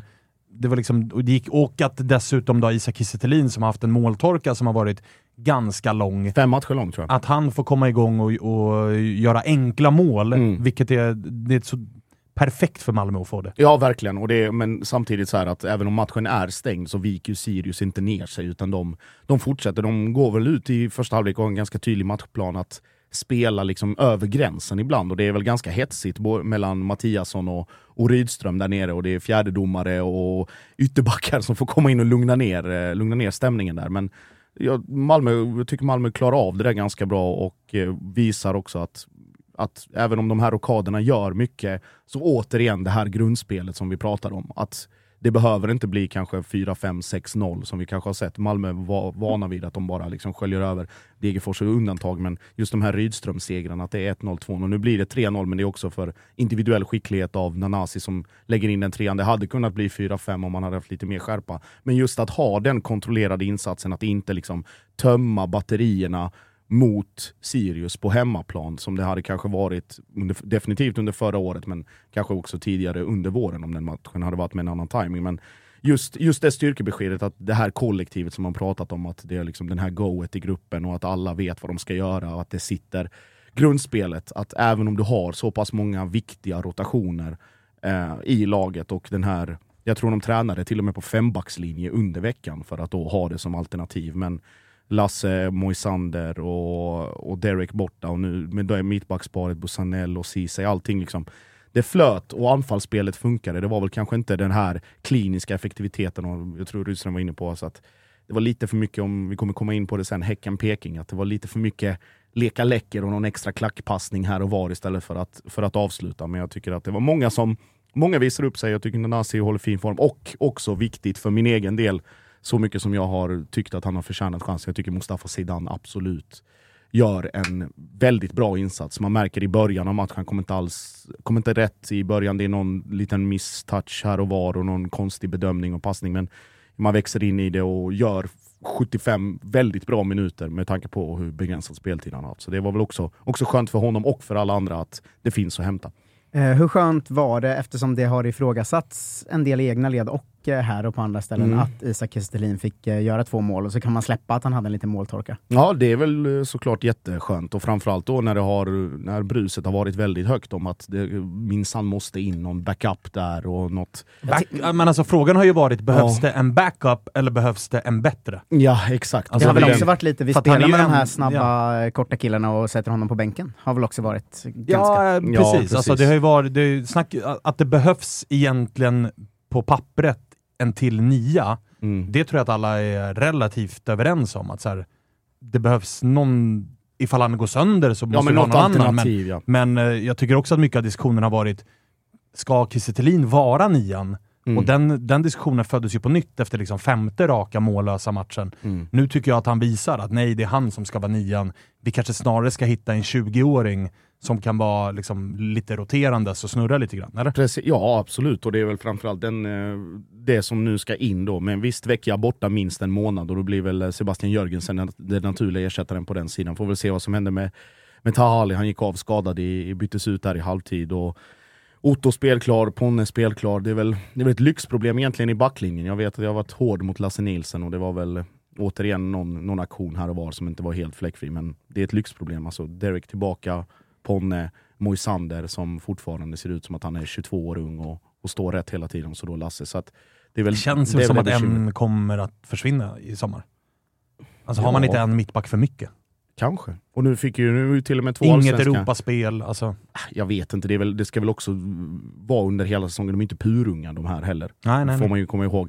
Eh, Nej, och sen, är- vet ni ju vad jag har sagt om Ponnes kropp. Den är lite... Ja, som du kommer få äta det. Oj, oj, oj. Det ska klippas giffar deluxe. Men, Ja, ja, ja. eh, men det var också två allsvenska debutanter. Adrian Skogmar, eh, central mittfältare, liten, ettrig, snabb, teknisk jävel. Och sen Ellison Macaulay med eh, Victor Fischer-frisyr. Mm. Men med däremot eh, mycket högre fotbollskunskaper eh, under de minuterna han var Ja, inne. bättre fysisk status i alla fall. All, all status, eh, egentligen. Men han har ju Eh, varit lite uppsnackad. Det är ett namn jag har hört ändå. Mm, bildade mittbackspar, bildade mittbackspar förra året i U19 tillsammans med André Alvarez Perez som nu är utlånad till Olympic. Så det är, det är ett framtidsnamn, eller båda de egentligen. Men Skogmar egentligen får väl den debuten på grund av eh, de hålen som finns på, på innermittfältet. Eh, Att Otto inte är helt redo än, eller inte spelklar än. Och sen då Macaulay, att han får komma in och, eh, och göra sin grej där också. Det piggar upp och det är väl kanske i perfekt läge då, eh, Sirius hemma att Och det är väl klart att Häcken tappar poäng samma omgång.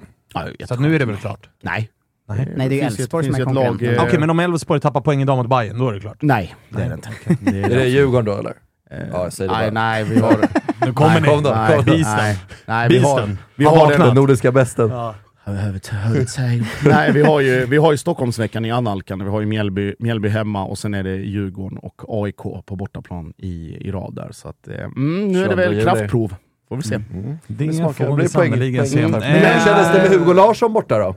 Eh, var det som påtagligt liksom att man saknar honom? Ja, eller? det är väl klart. Alltså, det är alltid påtagligt när du har en sån spelare som har gjort ett så stort avtryck och varit så vital för, för mittfältsspelet. Däremot tycker jag att de löser det utifrån förutsättningarna väldigt bra där. Alltså det, där får Peña det utrymmet eh, som man kanske inte har haft tidigare just med tanke på att det är AC och Hugo. Så att de har liksom delat lite på ansvaret och nu visar Peña varför han är Big Boss där inne på det inne i mittfältet och det är lugnet och den kylan och att det är alltid mottagningar liksom med sulan och aldrig med bredsidan utan det är, det är den rutinen och den, de fotbollskunskaperna som man har i sig som verkligen har fått, fått skina. Eh, och så när vi ändå är inne på centralt mittfält kom ju senast idag mm.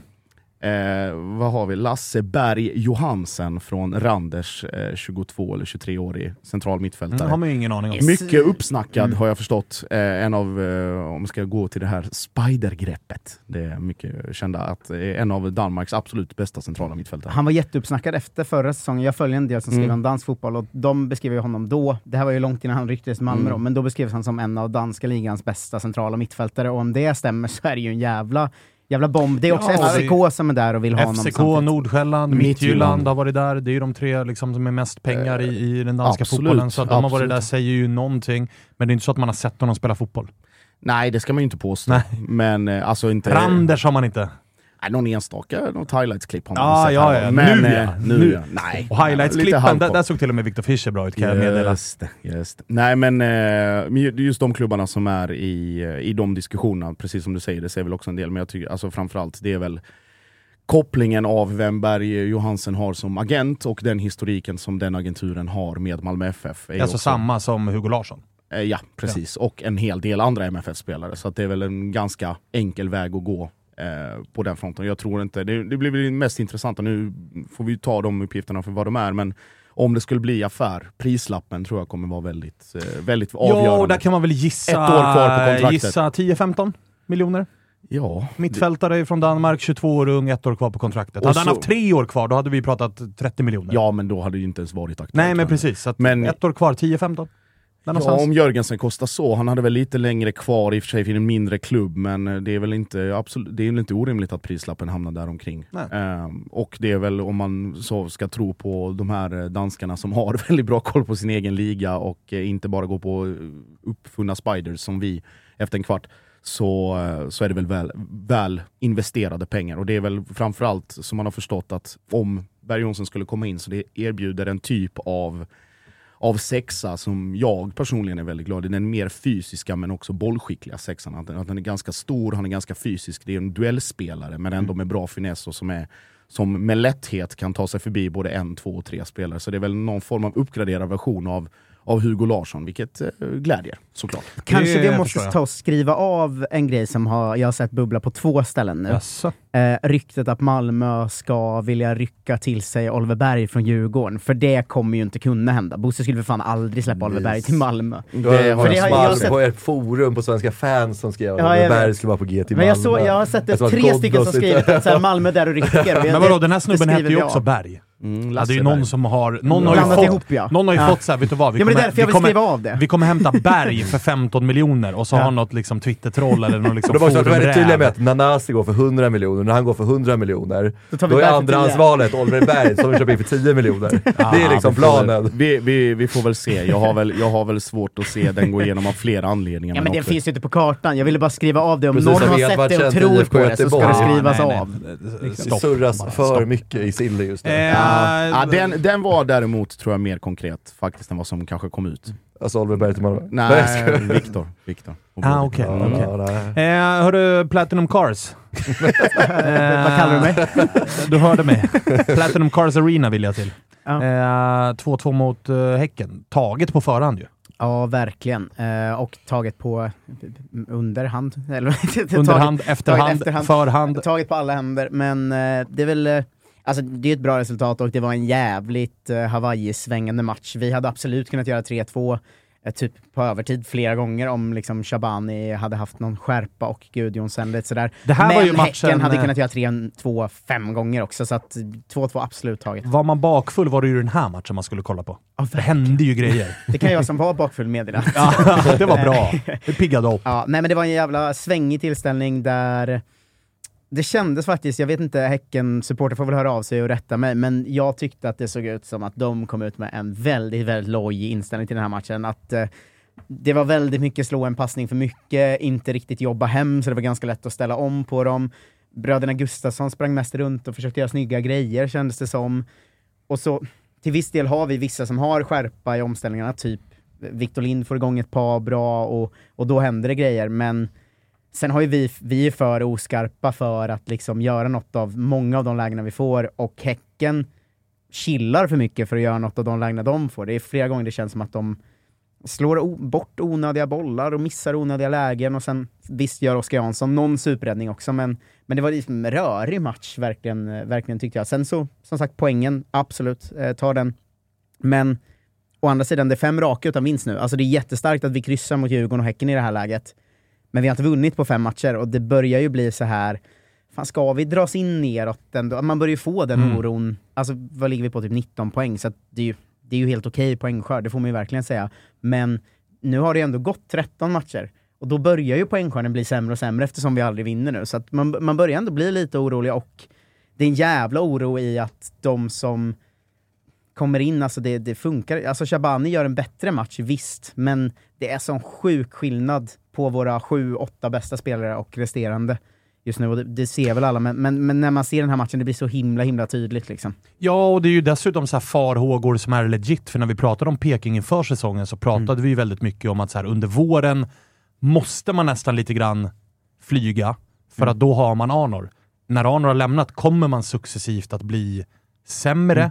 är ju liksom tanken, för att en av seriens absolut bästa spelare försvinner. Ni kommer inte hitta en spelare som är liksom, är han 50% lika bra, då är det taget liksom. Mm. Eh, Men sen tycker jag att i det Arnor-försvinnandet så tycker jag Victor Lind steppar upp rätt rejält och gör, och gör en bra Mm, han match gjorde en nu. bra match. Eh, och han är också uppe på fyra mål lite i skymundan och, och, någon assist och lite sådär. Men, men han gör en riktigt bra match, har ett par fina, sen gör han ju årets fulaste mål. Så det, Mm, det, det är man- ju bra. det får man ju räkna in på att han, bra. att han kämpar liksom. Men han, han har någon där han snurrar upp försvaret rejält och missar skott och lite sådär också. Men annars är det ganska många som inte är på plats liksom. Ceesay är ju borta med någon halvskada och eh, vi tappar så fruktansvärt mycket boll på mitten istället för att bryta det och göra något bra av det som han gör när han spelar. Och det, det är för skört. Jag tycker det Visst, Ortmark gör bra saker, men det svajar för mycket. Eh, Shabani gör vissa bra saker, men det svajar för mycket. Och det, det är så på ganska många positioner just nu.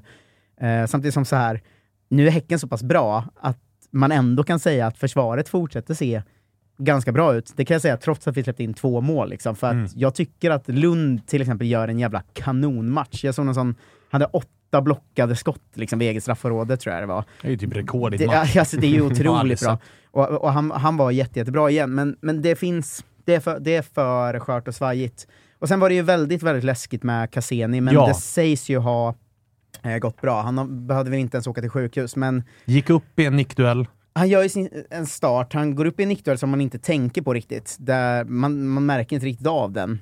Eh, och sen så, eh, någon halv minut senare, så pekar han ju mot sitt huvud och signalerar att han måste byta, börjar gå mot bänken, sätter sig ner, tar av sig hjälmen, lägger sig ner och måste bäras ut på bår. Och med, med hans historia så Ja, då blir man ju rädd. Ja, det var, det, matchen kändes ju liksom inte kul efter det. Man, man satt ju och hade ont i magen för den grejen, och så, så blir det ju med en som har den historien som man har, att man själv som tittar har ju väldigt nära till att bli eh, illa berörd. Ja, ja. Eh, men det, det verkar ha gått bra, så kan man ju trygga alla som bara såg det och inte hört något eh, efter, och det ska, inte, det ska inte vara någon fara i alla fall.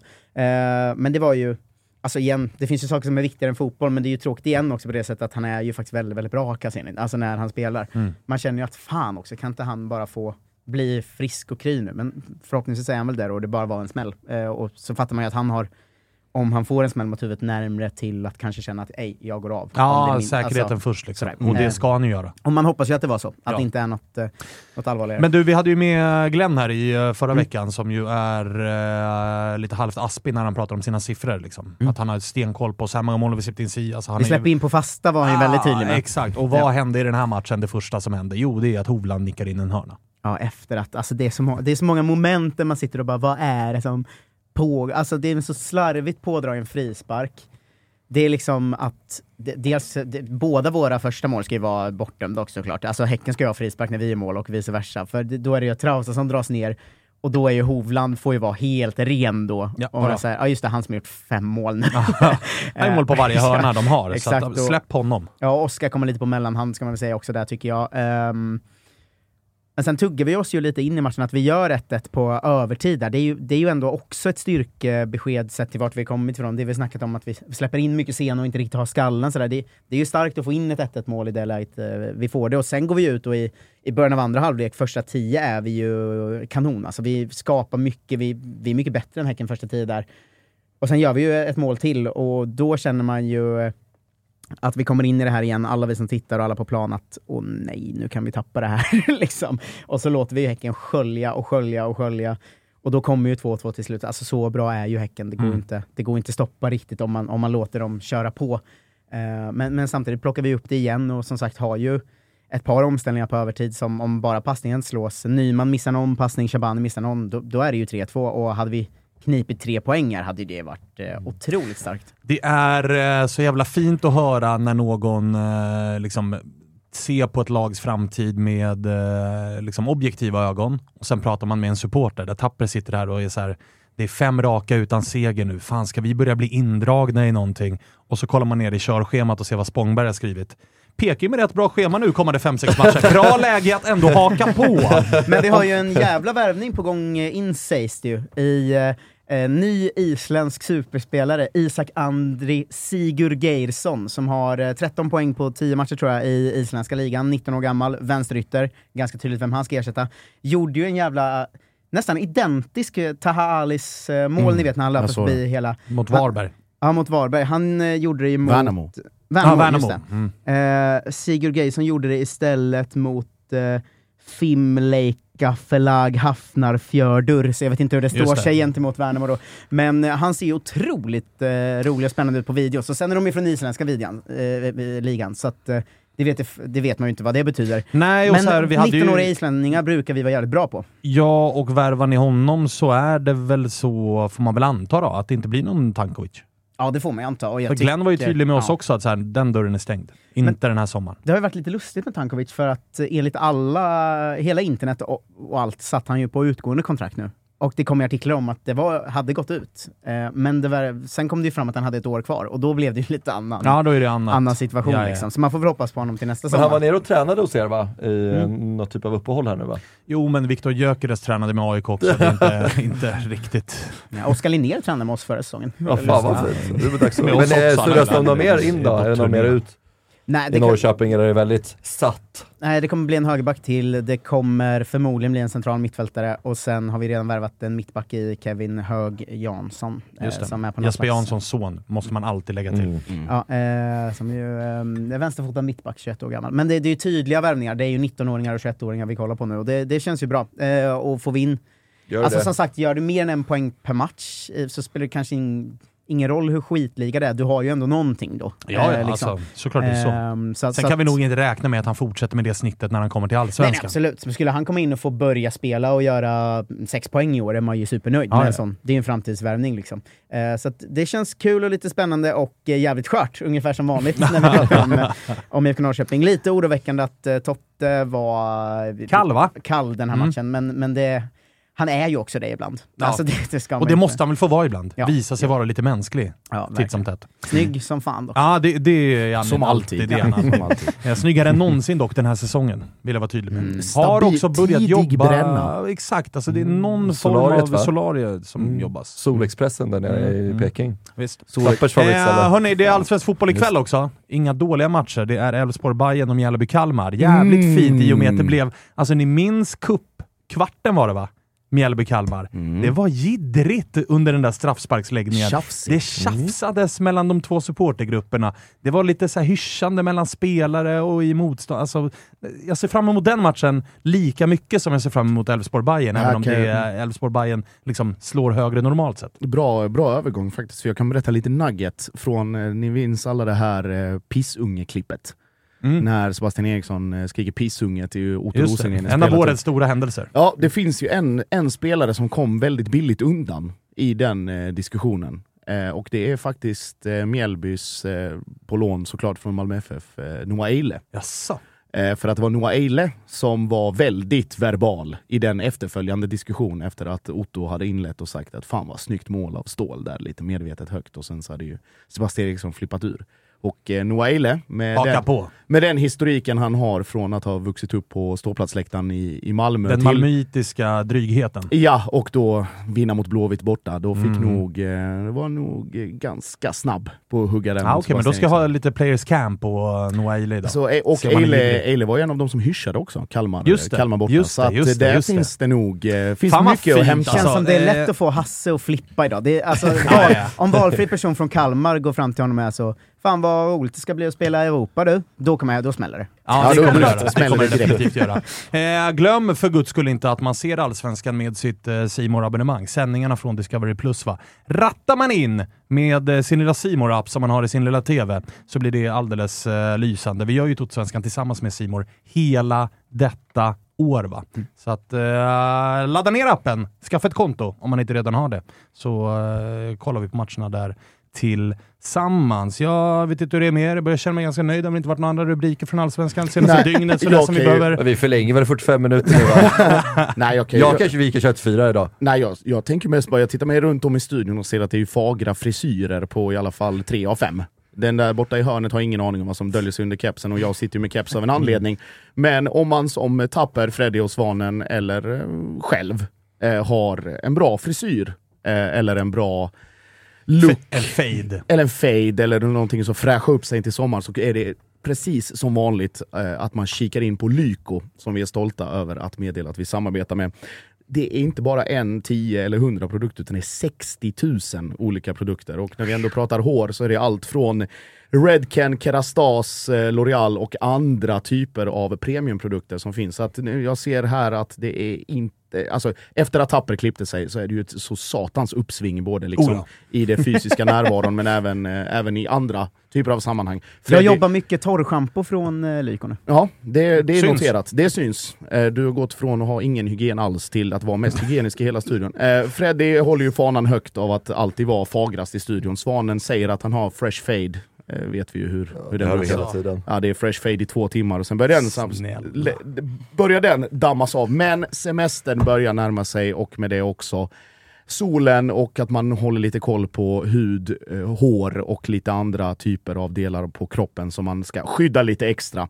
Så eh, kika in på lyko.se och glöm inte också att det är väldigt snabba leveranser. Så om ni tittar på väderprognosen och ser att det börjar närma sig högtryck och så kallar, vad är det, vad är det de kallar det, medelhavsvärme eller Afrikavärme. Eh, eller så.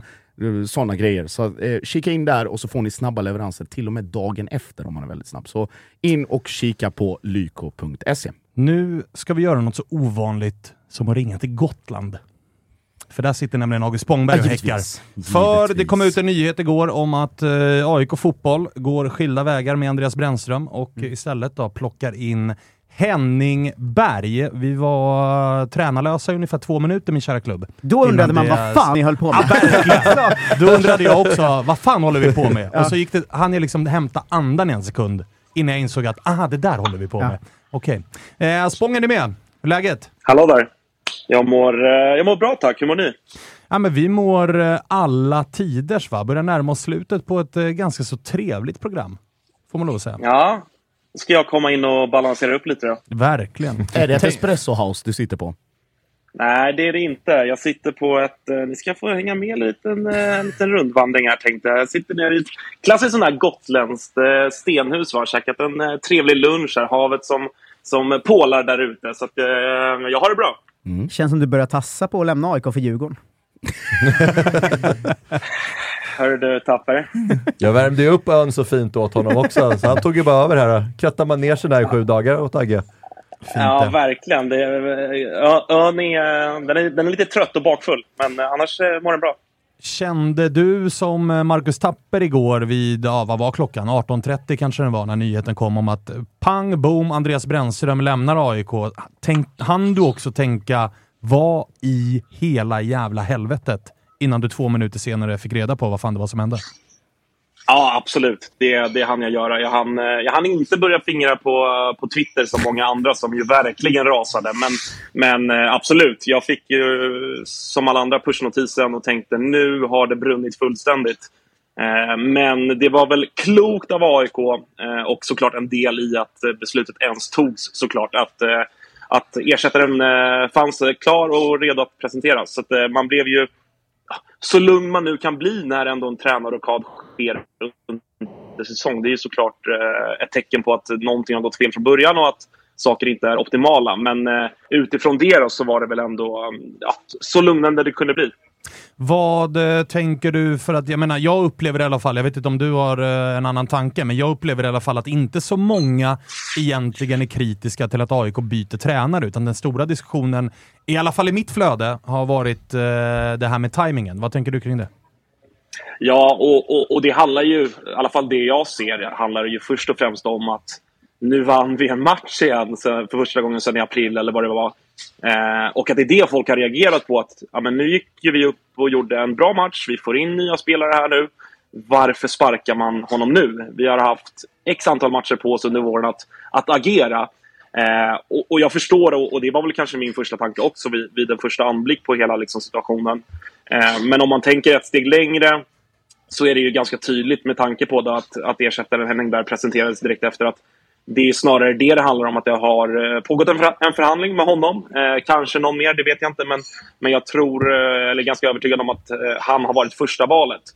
Och om man då har med sig det in i det hela så är det väl... Alltså, det hade ju varit önskvärt att man hade förhandlat klart med Henning Berg efter Elfsborgsmatchen innan uppehållet såklart. Men, men det lyckades man ju inte ro i hamn.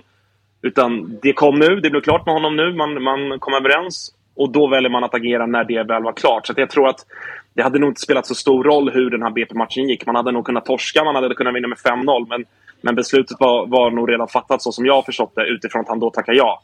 Eh, så att jag tycker att man ska, jag tycker att kritiken, alltså så här, det finns all fog att liksom, eh, kritisera såväl AIKs styrelse som, som övriga personer runt och i klubben för, för den här våren och för sommaren och även för, för förra hösten. Men i det här fallet tycker jag ändå att Alltså, om, om man nu har förtroende för Thomas Manchin, sportchef, så då tycker jag att man får någonstans se det här ett steg längre. Försöka se det delvis här och nu såklart, för det är fortfarande ett kontrakt att rädda, även om vi får något form av mini-andrum här i, efter segern mot BP. Men det är också att man känner att Henning Berg är en tränare som på sikt kan ta, ta oss tillbaka till toppen. Och då tycker jag ändå att då är beslutet så bra, det är så bra det går att ta det i, i det här läget. Ehm, man gillar ju nu när ni ska lämna allt skit och allt guld och gröna skogar så vill man ändå strö, en sista salt i såren. Eh, att när man sparkar en tränare sitter den ju kvar på, på lön, kontraktet eh, ut. Liksom. Så Brännan har ju lön över 2025 om inget speciellt överenskommit. Eh, vad gör det med dig faktan att han får 18 månadslöner per vinst han tog i AIK? 18 månaders... Ja, ja, det blir det ja. Jäklar. Där, där har du gjort matten. Eh, vet, du, vet du vad Tapper? Vet du vad Tapper? Det kan jag fan ge Brännan. Alltså så, så lurad som han har blivit i, i kära AIK så kan jag faktiskt, eh, så kan jag faktiskt eh, ge honom det. Nej men sk skämt åsido, det är ju... Eh, alltså så här, det, det är ju såklart enormt tråkigt över hur, det- hur det har blivit. Jag är ju fortfarande eh, helt övertygad om att Brännan hade... Eh, eller så här, jag vet ju om att han är en bra tränare och jag är helt övertygad om att han hade kunnat vara en jäkla bra tränare i AIK med rätt förutsättningar. Nu var inte kanske tiden rätt, framförallt var inte förutsättningarna rätt. Och då blev det som det blev. Men det, det känns jäkligt tråkigt och det är ju såklart alltså ytterligare en gång i raden där AIK ändå misslyckas med en tillsättning av en ledande person. Vi har hela sportchefssituationen som vi har pratat om under våren och, och, och, och i höstas redan och, och innan dess. Eh, vi har liksom haft eh, ja, vad är det, fem vd på ungefär lika många år. Alltså, vi har problem att hitta rätt folk på rätt plats vid rätt tidpunkt. Eller så har vi problem med tålamodet. Det är, det är säkert en kombination däremellan. Så att i grund och botten är det ju, det är ju ett resultat av liksom, eh, ja, svag rekrytering. Och det är ju ja, men lite som vi pratat om i Hammarby också. att det sker väldigt många rockader på ganska kort tid och det är ju, eh, det, det är ju såklart jättedåligt. Nu ska inte jag gå händelserna i förväg, men det känns ju, alltså, oavsett hur den här säsongen slutar, om det blir liksom eh, 11 raka nu eller whatever, eller vilka spelare, vem det är, en, än är som kommer in, så känns det också som att det kan bli ett av de mest klassiska AIK-årsmötena som väntar i vinter, liksom med ansvarsutkrävande och vem är det egentligen som ska som ska ställas till svars och inte på det här typiska avgå alla sättet utan på riktigt någon form av liksom självrannsakan kontra verklighetsbild. Liksom att man ska, som du är inne på Agge, att man bara säger hur fan kan det gå och se ut så här år efter år efter år? Efter, alltså, oavsett vem det än är som rekryterar eller hur det rekryteras eller vad som helst. Att det blir ta mig fan aldrig rätt. Nej, nej men nej, exakt så, så är det ju. Och det är ju, alltså så här, jag, jag, jag förstår ju och jag, jag är själv enormt liksom kritisk till hur, hur den här styrelsen har hanterat eh, saker och ting. Jag tycker att mycket liksom grundar, går tillbaka till, till hösten och, och, och sparkningen av Jurelius utan, utan någon riktig ersättare. Sen kom, eh, blev det Cirkus Lindberg efter det och, och, och det, det är ju liksom någonstans i den fasen vi fortfarande är inne i. Eh, och, och det, som jag var inne på, alltså det, är, det är ju djupt problematiskt att vi har så enorma problem med kontinuitet på liksom, bärande poster. Det jag dock tycker ändå är liksom, positivt då, i, i det här fallet är ju att vi ändå har lärt oss av misstaget vi gjorde med sportchefssituationen där vi inte hade en ersättare klar men tog ändå det populistiska valet att sparka en sportchef för att man tyckte att han inte var bra nog. Nu såg vi i alla fall till att ha kvar tränaren, även om han liksom gjorde svaga resultat, så hade vi i alla fall kvar en riktig tränare tills ersättaren var klar. Så det är ändå positivt om man ska se någonting. Men så, alltså, ja, det, du, du är helt rätt på det. Årsmötet i, jag brukar vara på, på tidig vårkant. Det, det kommer såklart bli, eh, kommer bli långt. Så att det är bara att bunkra upp med, med kaffe och, och fika och hela köret eh, redan nu. Så, så, så är det bara att åka med. Hjärtligt välkomna till Aulan Solna gymnasium. Nej, det kommer, det, det kommer, det kommer inte räcka. Det kommer bli Solnahallen igen. Oh! Ja, det kommer bli Solnahallen. Eventuellt Fullsatt Friends. Ja, eventuellt Friends, ja. Eh, men, Ja. men du, eh, har du hunnit bilda dig en uppfattning om Henning Berg då? Eller är det bara en gammal eh, köttig ytterback från Manchester United du tänker på när du tänker på Henning Berg? Nej, men det... Jag har väl liksom eh, försökt göra så mycket research det går att göra. Eh, och det är väl... Alltså, gillar väl det man har läst sig till, att det är en eh, i sann norsk anda ganska liksom rak tränare. Behöver nödvändigtvis inte vara liksom, eh, en massa kortpassningsspel och, och så, men ändå en, en liksom offensivt viktad tränare som, som vill spela fartfylld och anfallsrik fotboll. Eh, Men det blir intressant att se. Han har ju spelat 4-2-3-1 majoriteten av, eh, av sin tränarkarriär. Och det blir ju intressant utifrån hur truppen är nu. Det är ganska stor avsaknad av eh, tydliga yttrar i, i dagens AIK. Eh, så att vi får väl se här vad, hur det här påverkar eh, fönstret som vi öppnar nu på fredag. om det blir eh, liksom, tydliga roller utifrån det. Eh, så att, nej, det, man, man gör ju sin research och i det här läget så, så finns det liksom inte heller någon, någon större anledning att vara för negativ utan nu får man liksom försöka se det, se det för vad det är, försöka, försöka vara positiv till det och, och, och liksom lite grann sluta leden också och, och backa upp det här om man nu har förtroende för, för vår sportchef så får man ju liksom eh, köpa, köpa in sig lite grann på läget oavsett vad man tycker om, om, om det var rätt eller inte att sparka brännan eller sådär. Det, det finns ju liksom, man kan ju älta det hur länge som helst men jag känner lite grann att vi som klubb och, och som supportrar, vi har varit i ett, liksom, ja, det har varit så jäkla rörigt och, och, så splittrat under ganska lång tid nu att lite hoppas jag att vi kan liksom ta avstamp i det här nu och ta med oss ändå de tre pinnarna mot BP Eh, och, och, stå bakom den, eh, den eh, ledarstab och trupp och så som finns kvar. För att vi har inte så mycket val. Och, liksom, Tapper försökte fiska lite efter, efter lördagens seger om vi hade seglat iväg. Men, men jag var ändå och är ganska sansad och, och liksom ödmjuk inför det läge vi befinner oss i. Att det är en lång väg att vandra kvar och det är eh, inga drömmar om guld än i alla fall. Det är ju alltid speciellt att, sparka en tränare i det här läget också, liksom när alla vet att det är så uppenbart vad Brännan har fått för material att jobba med. Har man hört någonting liksom ner från Karlberg hur spelarna har tagit emot det här? Eller liksom, finns det någon liksom, gruppering där som känner att AIK har gjort fel i att sparka Brännan? Eller är det bara unisont liksom att ja, men, nu är det Henning Berg, fullt förtroende för honom? Det, det, tror jag. Jag tror att det här kom ju igår kväll. Jag har, jag har inte liksom, eh, nått några sådana rapporter eller fått någon uppfattning om det direkt. Eh, min känsla var väl, alltså, om man ska säga någonting om det, så är det väl min känsla är väl att eh, truppens förtroende för Brännan var nog ändå, alltså utifrån hur få poäng vi faktiskt tog med honom, så tycker jag ändå att det kändes som att truppen ändå hade ett relativt stort förtroende. Givet, alltså, givet det som läckte ut i media kring Jimmy Durmaz. Och så här, det är klart att det fanns enskilda spelare som, som säkert var trötta på honom och tyckte att han var en, en dålig tränare eller dålig ledare. och sådär. Men jag tror ändå att den breda massan ändå uh, tyckte att han i grunden var en duktig tränare. Men att det fanns mycket annat som var problematiskt. Men, uh, så jag, vet, jag vet inte riktigt. Det, jag tror att det är lite för kort tid innan uh, han anländer väl imorgon tror jag, eller ska leda, leda träningen eh, imorgon för första gången. Så att, eh, jag tror att man får ge det lite mer tid innan man kan eh, dra några sådana slutsatser.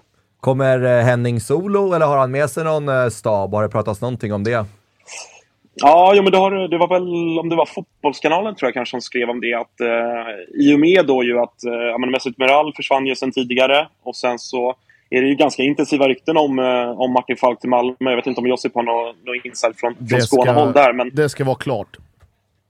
Ja, ja och, då, och då är ju, det är ju en del i, i liksom det jag pratade om innan med att det är så många som försvinner samtidigt. Jag såg att Imad Khalili var klar att lämna HTFF också. Det, det är väl lite samma läge där. Det är inte, det är inte bra såklart. Men eh, det snackas om en, en polsk assisterande som han har eh, han har jobbat med i, i flera av de klubbarna han har varit här på slutet. Eh, så de verkar tajta och gillar varandra. Um, också så här, ett bra CV ur ett svenskt perspektiv. Alltså det, är, det är sällan egentligen det kommer ja, svenska eller, eller för den delen internationella tränare med... Alltså man, kan, man kan prata om att österrikiska ligan, eller polska ligan och, och cypriotiska ligan är, är liksom skitligor så. Men det är ändå, jag tror ändå att någon form av internationell erfarenhet är... Det är inte så jäkla många tränare som har det i, i Allsvenskan. Uh, så han, han har väl också ett intressant CV och jag gillar idén på samma sätt som att jag var jag var för att Brännan fick ta med sig Mesut Meral när, när han kom. Så, så är, jag, är jag för det här också. Jag tycker att en huvudtränare ska ha med sig åtminstone en person eh, i sin stab som, de, som han känner sen innan. Eh, vi diskuterade lite huruvida det är ett jättebra eller jättedåligt läge för Berg att eh, komma in nu. Jag tänkte kolla vad du tänker, i och med att det är eh, Häcken och Malmö två av de kommande tre matcherna. Är det ett bra läge för att det är fine att förlora, eller är det ett dåligt läge för det är ganska enkelt att det börjar med lite torsk här? Uff. Ja, men jag landar nog ändå i att det är rätt bra. Dels tror jag att, eh, att det är ett hyfsat okej läge att möta Häcken i, som vi har på lördag. Eh, fönstret har precis öppnat. Vi får väl se vad som händer med Benit Traoré. Det kommer rykten om, om honom idag. Eh, han kanske har hunnit, eh, hunnit bli såld, det kan man ju hoppas på. Eh, nej, men jag tror ändå att det är ett okej läge. Alltså, det är aldrig ett bra läge att möta två seriens, bästa, eller två, seriens två bästa lag såklart på något sätt. Men, men om, om det nu finns något så, så tror jag ändå att det är, eh, är helt okej okay nu. Och, alltså så här ingen kommer ju, ingen kommer ju liksom skrika på, på Henning Berg, inte ens i AIK, om, om vi förlorar med 2-0 på lördag till exempel. Ja, säg inte det. Eh, så att, nej, nej, men inte ens så, Snälla så sjuka- Spången! så sjuka är inte ens vi. Eh, nej, men så att jag, jag, jag tror faktiskt att det är ett, eh, är ett ganska bra, bra läge för honom att på något sätt kasta sig in i det direkt. Liksom. Eh, faktiskt. Ja, men få inleda lite grann utan press. Ja, ja, men på något sätt så. Alltså, sen är det ju alltid press att, att spela i AIK. Det, det, det finns ingen, eh, ingen, eh, ingen tvivel om det. Men, men eh, jag tror att alla kommer nog skriva in sig på det här nu och, och, och känna att här är vår tränare nu. Och det finns inget liksom, två eller tre matcher så, så, så är det åt helvete. Utan vi kommer från en vår där vi har eh, prövats ganska hårt och sett betydligt sämre insatser än vad, än vad jag tror att vi kommer få se här framöver. Kanske framför allt och på kort sikt i alla fall med tanke på de eh, spelarförstärkningar som har gjorts och som jag räknar med kommer göras också. Eh, så att jag tror att det kan bli ändå en eh, helt okej sommar. Fan vad det känns som att den där BP-matchen var tre veckor bort. Ja, det, det, det är så jävla sjukt hur... Eh, man har liksom glömt nästan att vi, att vi spelade den och, och faktiskt var väldigt bra och vann. Men ehm, ja, så kan det vara. Man vet att Agge, alltså det här med att han försöker sälja in att han är på Gotland och sånt. Jag ser ju att det är Roskilde där bakom ju.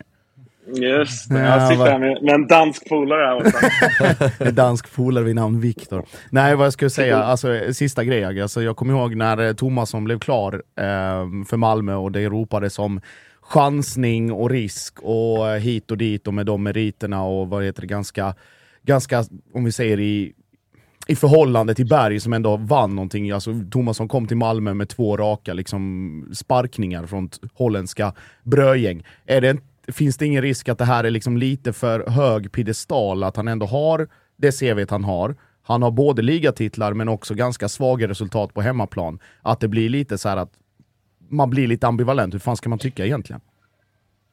Alltså utifrån vad han, han CV eller han som... Eller vad tänker du? Ja, men både och egentligen. Alltså, de meriterna, han har, han har ju vunnit ligan var det, i Polen och i, i någon, Cypern. Cypern. Och sen då samti Cypern, samtidigt när han har varit hemma i Norge så har det sett allt annat än stabilt ut. Eller liksom, var, var landar man lite någonstans? Ja, nej, alltså, så här, det är jättesvårt att veta. Det, var- alltså, det är ju, jag har ju liksom inte följt hans klubb här. Så att jag, alltså, så här, det, och det har vi pratat om tidigare också.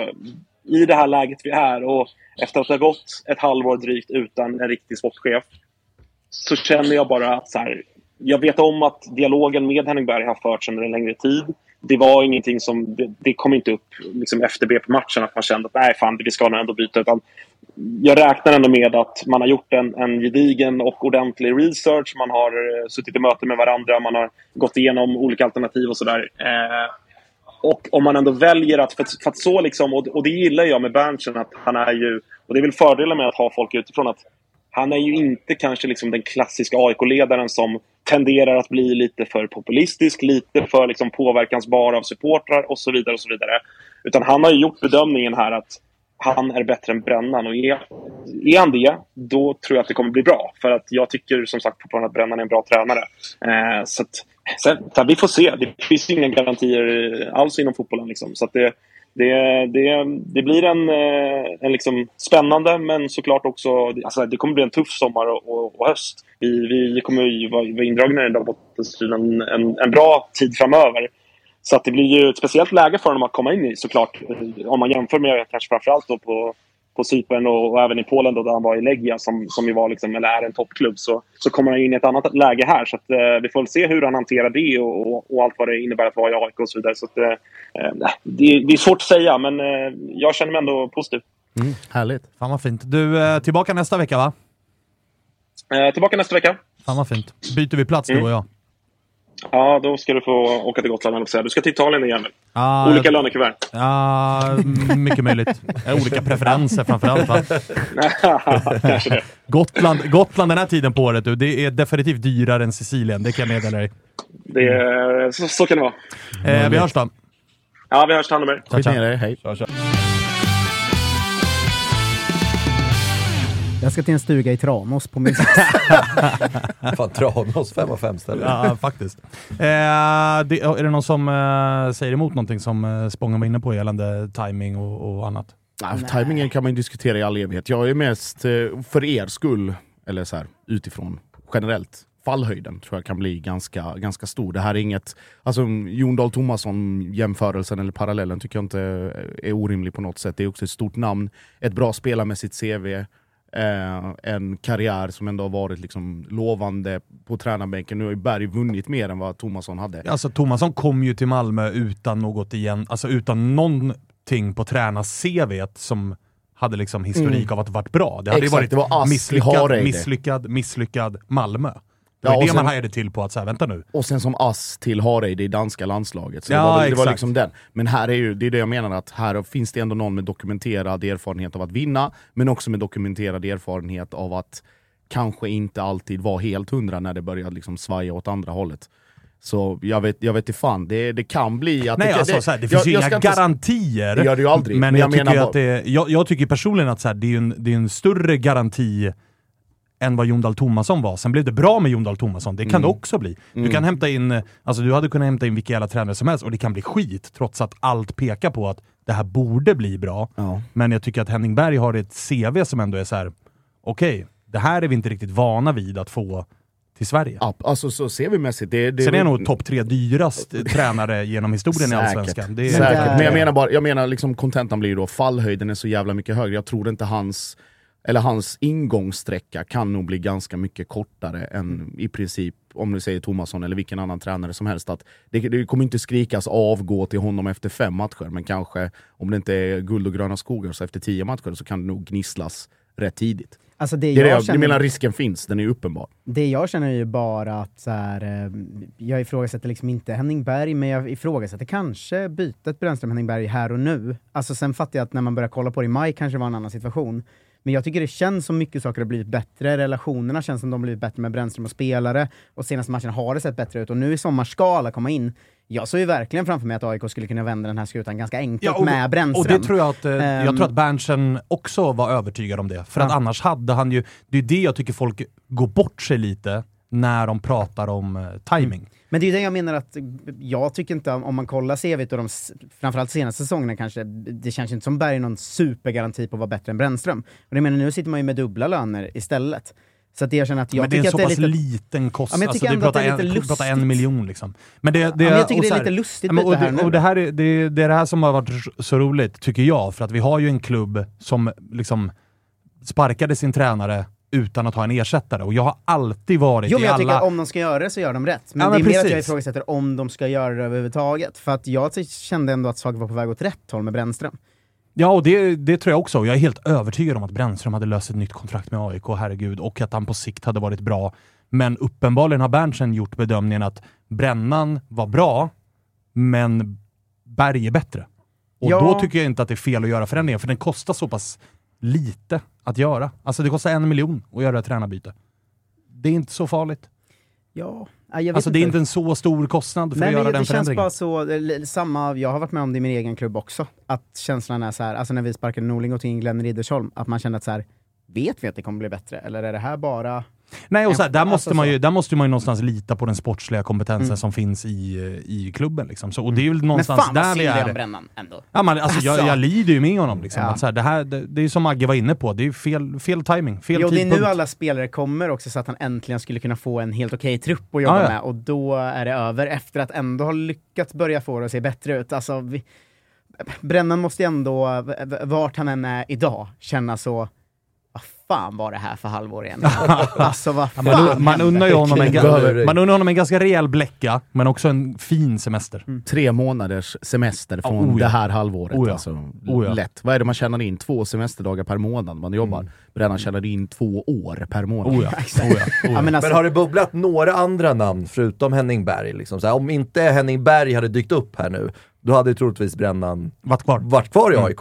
Har, jag, har man hört några andra namn som eh, Berntsen har varit i kontakt alltså man med har som väl har hört läge lite på? som eh, IFK Göteborg, liksom. Jensa Gustafsson. Där är jag glad att det inte blev så, om det nu var aktuellt. För att jag tycker inte, eller jag tror inte att det hade varit en bra match med AIK. Eh, det har vi sett förut, liksom, den typen av tränare komma in och eh, liksom, han är ju jätteduktig. Han visade ju upp i Peking att han är jätteduktig på att förädla unga spelare och få talanger att flyga. Men min upplevelse av honom var storklubbspressen klarar han nog inte riktigt av. Och han hade ju en säsong där, det vet ju Tapper om med Peking, där guldet var klart i juni, lyckades han pissa bort. Liksom, så att, Kom sexa. Ja, exakt. Alltså ledde serien med tio pinnar, kommer sexa. Alltså, vi, det- hade, vi hade kommit trea och gått till Europa om vi vann hemma mot Helsingborg som redan var klara sist, i sista omgången. Mm. Här släppte in fyra mål i första halvlek. Ja. så kom vi Så sexa. att den är jag rätt glad att det inte blev av. Och jag, jag tror så här, och det är det jag har varit inne på, att jag tror att Brännan var... När Berntsen kommer till AIK och gör liksom... Och det är så kaxigt av Berntsen att han i intervjuer redan nu pratar om att ja, alltså, nu börjar ju mitt jobb med att hitta kandidater till Henning Berg. För det är så det funkar. En tränare kan gå, antingen gå själva, eller få sparken, eller så att nu börjar det liksom nästa jobb. Nu måste jag ha en ny lista över gubbar som kan ersätta Henning Berg den dagen Henning Berg väljer att flytta på sig. Och han är uppen, jag tror att han har gjort bedömningen att Brännan kanske var tredje alternativet att träna AIK resten av den här säsongen. Henning Berg kanske var första alternativet. Och nu lyckades han lösa första alternativet och då gör han förändringen. Istället för att göra som IFK Göteborg gjorde, att kolla i backspegeln och tänka Micke Stare har inte gjort det tillräckligt bra och därför tar vi bort honom. Men å andra sidan så har IFK Göteborg bara, men vem ska ersätta då och göra oss bättre? Nej, det vet vi inte, så vi vaskar hela vårsäsongen av ingenting. Det är ju ett, det är liksom, det är ett oseriöst sportcheferi. Det AIK har gjort nu är ju faktiskt, för första gången på väldigt länge, ett seriöst sportcheferi. Det är ett professionellt eh, hantverk liksom. Är det som när vi fotade Milos? Vad som hände därefter? Det Ja, men precis, alltså, ja, men i precis. 30 omgångar. Precis, Eh, precis. men eh, första gången på länge man känner att en annan klubb har en Malmö-risk. Att det är ett sånt namn, att om han gör det bra i ett halvår, då kommer ju någon större klubb i Europa och når på Ja, honom. ja, ja, ja. Alltså, ja, ja. För att och han är sen så är det också att det som är en stor AIK-risk just nu är ju att vi lägger ju verkligen alla våra ägg i en korg här. Och Alltså, det Berntsen är ju sätter Thomas sitt, Berntsens... han sätter sitt eget Ja. huvud på spel också. Ja, ja. Alltså direkt. För nu har han fått in sin tränare, han har Mm. fått in sin chefscout, han har redan värvat är det två Danskar spelare som och- är presenterade och det är väl Mm. den tredje som är så gott som klar i den här tyska mittbacken. Mm. Så att det är ju verkligen, här är nycklarna Berntsen. Du får Till allihopa. Solna. Gör vad du vill I vårt Göteborg-avsnitt pratar vi om att det de borde göra är att ta en stor såg och såga bort allt som har med IFK Göteborg att göra från den klubben, för att det är det som är sjukt. Mm. Det är det Berntsen kommer in och gör. Han sågar ja, ju bort Stockholm från AIK. Ja, ja, liksom. Han är ju bara såhär, nej, nej, nej, nej, nej, nej, nej. nej. Vi ska så... inte ha något med Stockholm nej. att göra längre. Och vi ska, att... vi ska ha sängar på Karlberg också. Ser ut som någon, någon eh, sportscamp där. På tal om att inte vilja ha med Stockholm att göra, officiellt nu att Martin Falk lämnar AIK. Väldigt, väldigt, väldigt väntat Mm. att det skulle bli så. Mm. Och det tycker jag, så här, jag tyckte att det var för en vecka sedan, för två dagar sedan, så tyckte jag, fan vad tråkigt. Nu tycker jag bara, skönt. Det görs rum för Henning Berg att hämta en stav. Bränn, bränn, bränn! Ja, alltså bort med allt. Bort med allt. Eh, ja, härligt. Eh, fanns en del att prata om i det här avsnittet. Fan, har vi inte glömt en grej? Ha, vad har vi Vad glömt fan nu var det som hände i den där ringen i Göteborg inför matchen? Ja, just det. Det var Mm. Lite finger upp, fotboll? ja, men det var några Så finger upp i rökan där innan matchen och grejer. Det var så jävla märkligt alltså. Var det efter eller innan? Innan va? Ja. De tog varandra på röven lite, två Göteborgsspelare. Det var väl ett Men finger, så gör väl alla det var väl ett finger någonsin. uppe och jobbade där? Nej. Kameran fånga. Ja. Finns. Vilka var det? Vilka var det som myste? Två sköna, härliga killar. Ja, Vad- vad är det här? Fan, vi kanske också borde börja göra det innan sändningen, ställa Innan, ja. ring. Köra ringen. Ja. Här märker man att Freddy verkligen inte är den innersta kärnan. Det här gör vi ju alltid. Är inte du med det, här, eller? det, det är ingen nyhet. Fan, har missat här. är kul att grabbarna trivs. Ja, ja verkligen. varandra, det är liksom. ju bekväma med varandra. Fördel. Det gillar man ändå. Vet du vad det där gör? Det där talar för att Blåvitt löser detta. Ja. Fingret För det i där är alltså två killar som tycker om varandra. Ja. Och det är en fördel om man ska spela fotboll ihop. Så är Men det är ju en kamratförening. Det är ju det är exakt, det exakt, Det är exakt. Eh, hörni, onsdag är vi tillbaka igen, 14.00. Vi får se vilka som är eh, med oss då, men eh, prenumerera på vår YouTube-kanal så missar ni absolut inga sändningar vi gör. Och glöm inte heller att följa oss på Instagram där det är Silly Show 24 timmar om dygnet. Ja, alltså vad vi kör där inne. Men man, då får man ju samlingen av allt som händer i allsvensk eh, silly. Det är så skönt att slippa hoppa mellan alla silly-journalister och alla obskyra sidor, utan vi sållar ju ut eh, crème de la crème, det viktiga, lägger ut där och så ser man allting. Den senaste fina nu är att riktigt obskyra källor hävdar att IFK Göteborg är nära att ta in Glenn Kamara på lån. Gamla centrala Arsenal-talangen som nu Gamla är... och gamla, han Nej, men jag inte- tänkte på gammal som Arsenal-talang. Ja. Ja, ja. Det var väl 11 år sedan eller någonting. Men han är väl nu i Rangers och finsk mittfältare som Ja, man värd tycker om. 60 millar tydligen och så ska han eh, ersätta Sulle. Ja, Ja, det kommer ju inte Det hända. är silly-tider, kan man säga. Verkligen, verkligen. Följ oss på Instagram och Twitter och alla andra plattformar där man kan eh, till exempel leka läcker. Där kan man också följa oss. Så är det. En Och jävla där, är, där är han stark. Eh, vi säger tack för den här gången så hörs vi igen på onsdag. Puss och kram. Aj, aj, aj. Eh, vila i frid Hellberg, fuck Reinfeldt, hata Kalmar.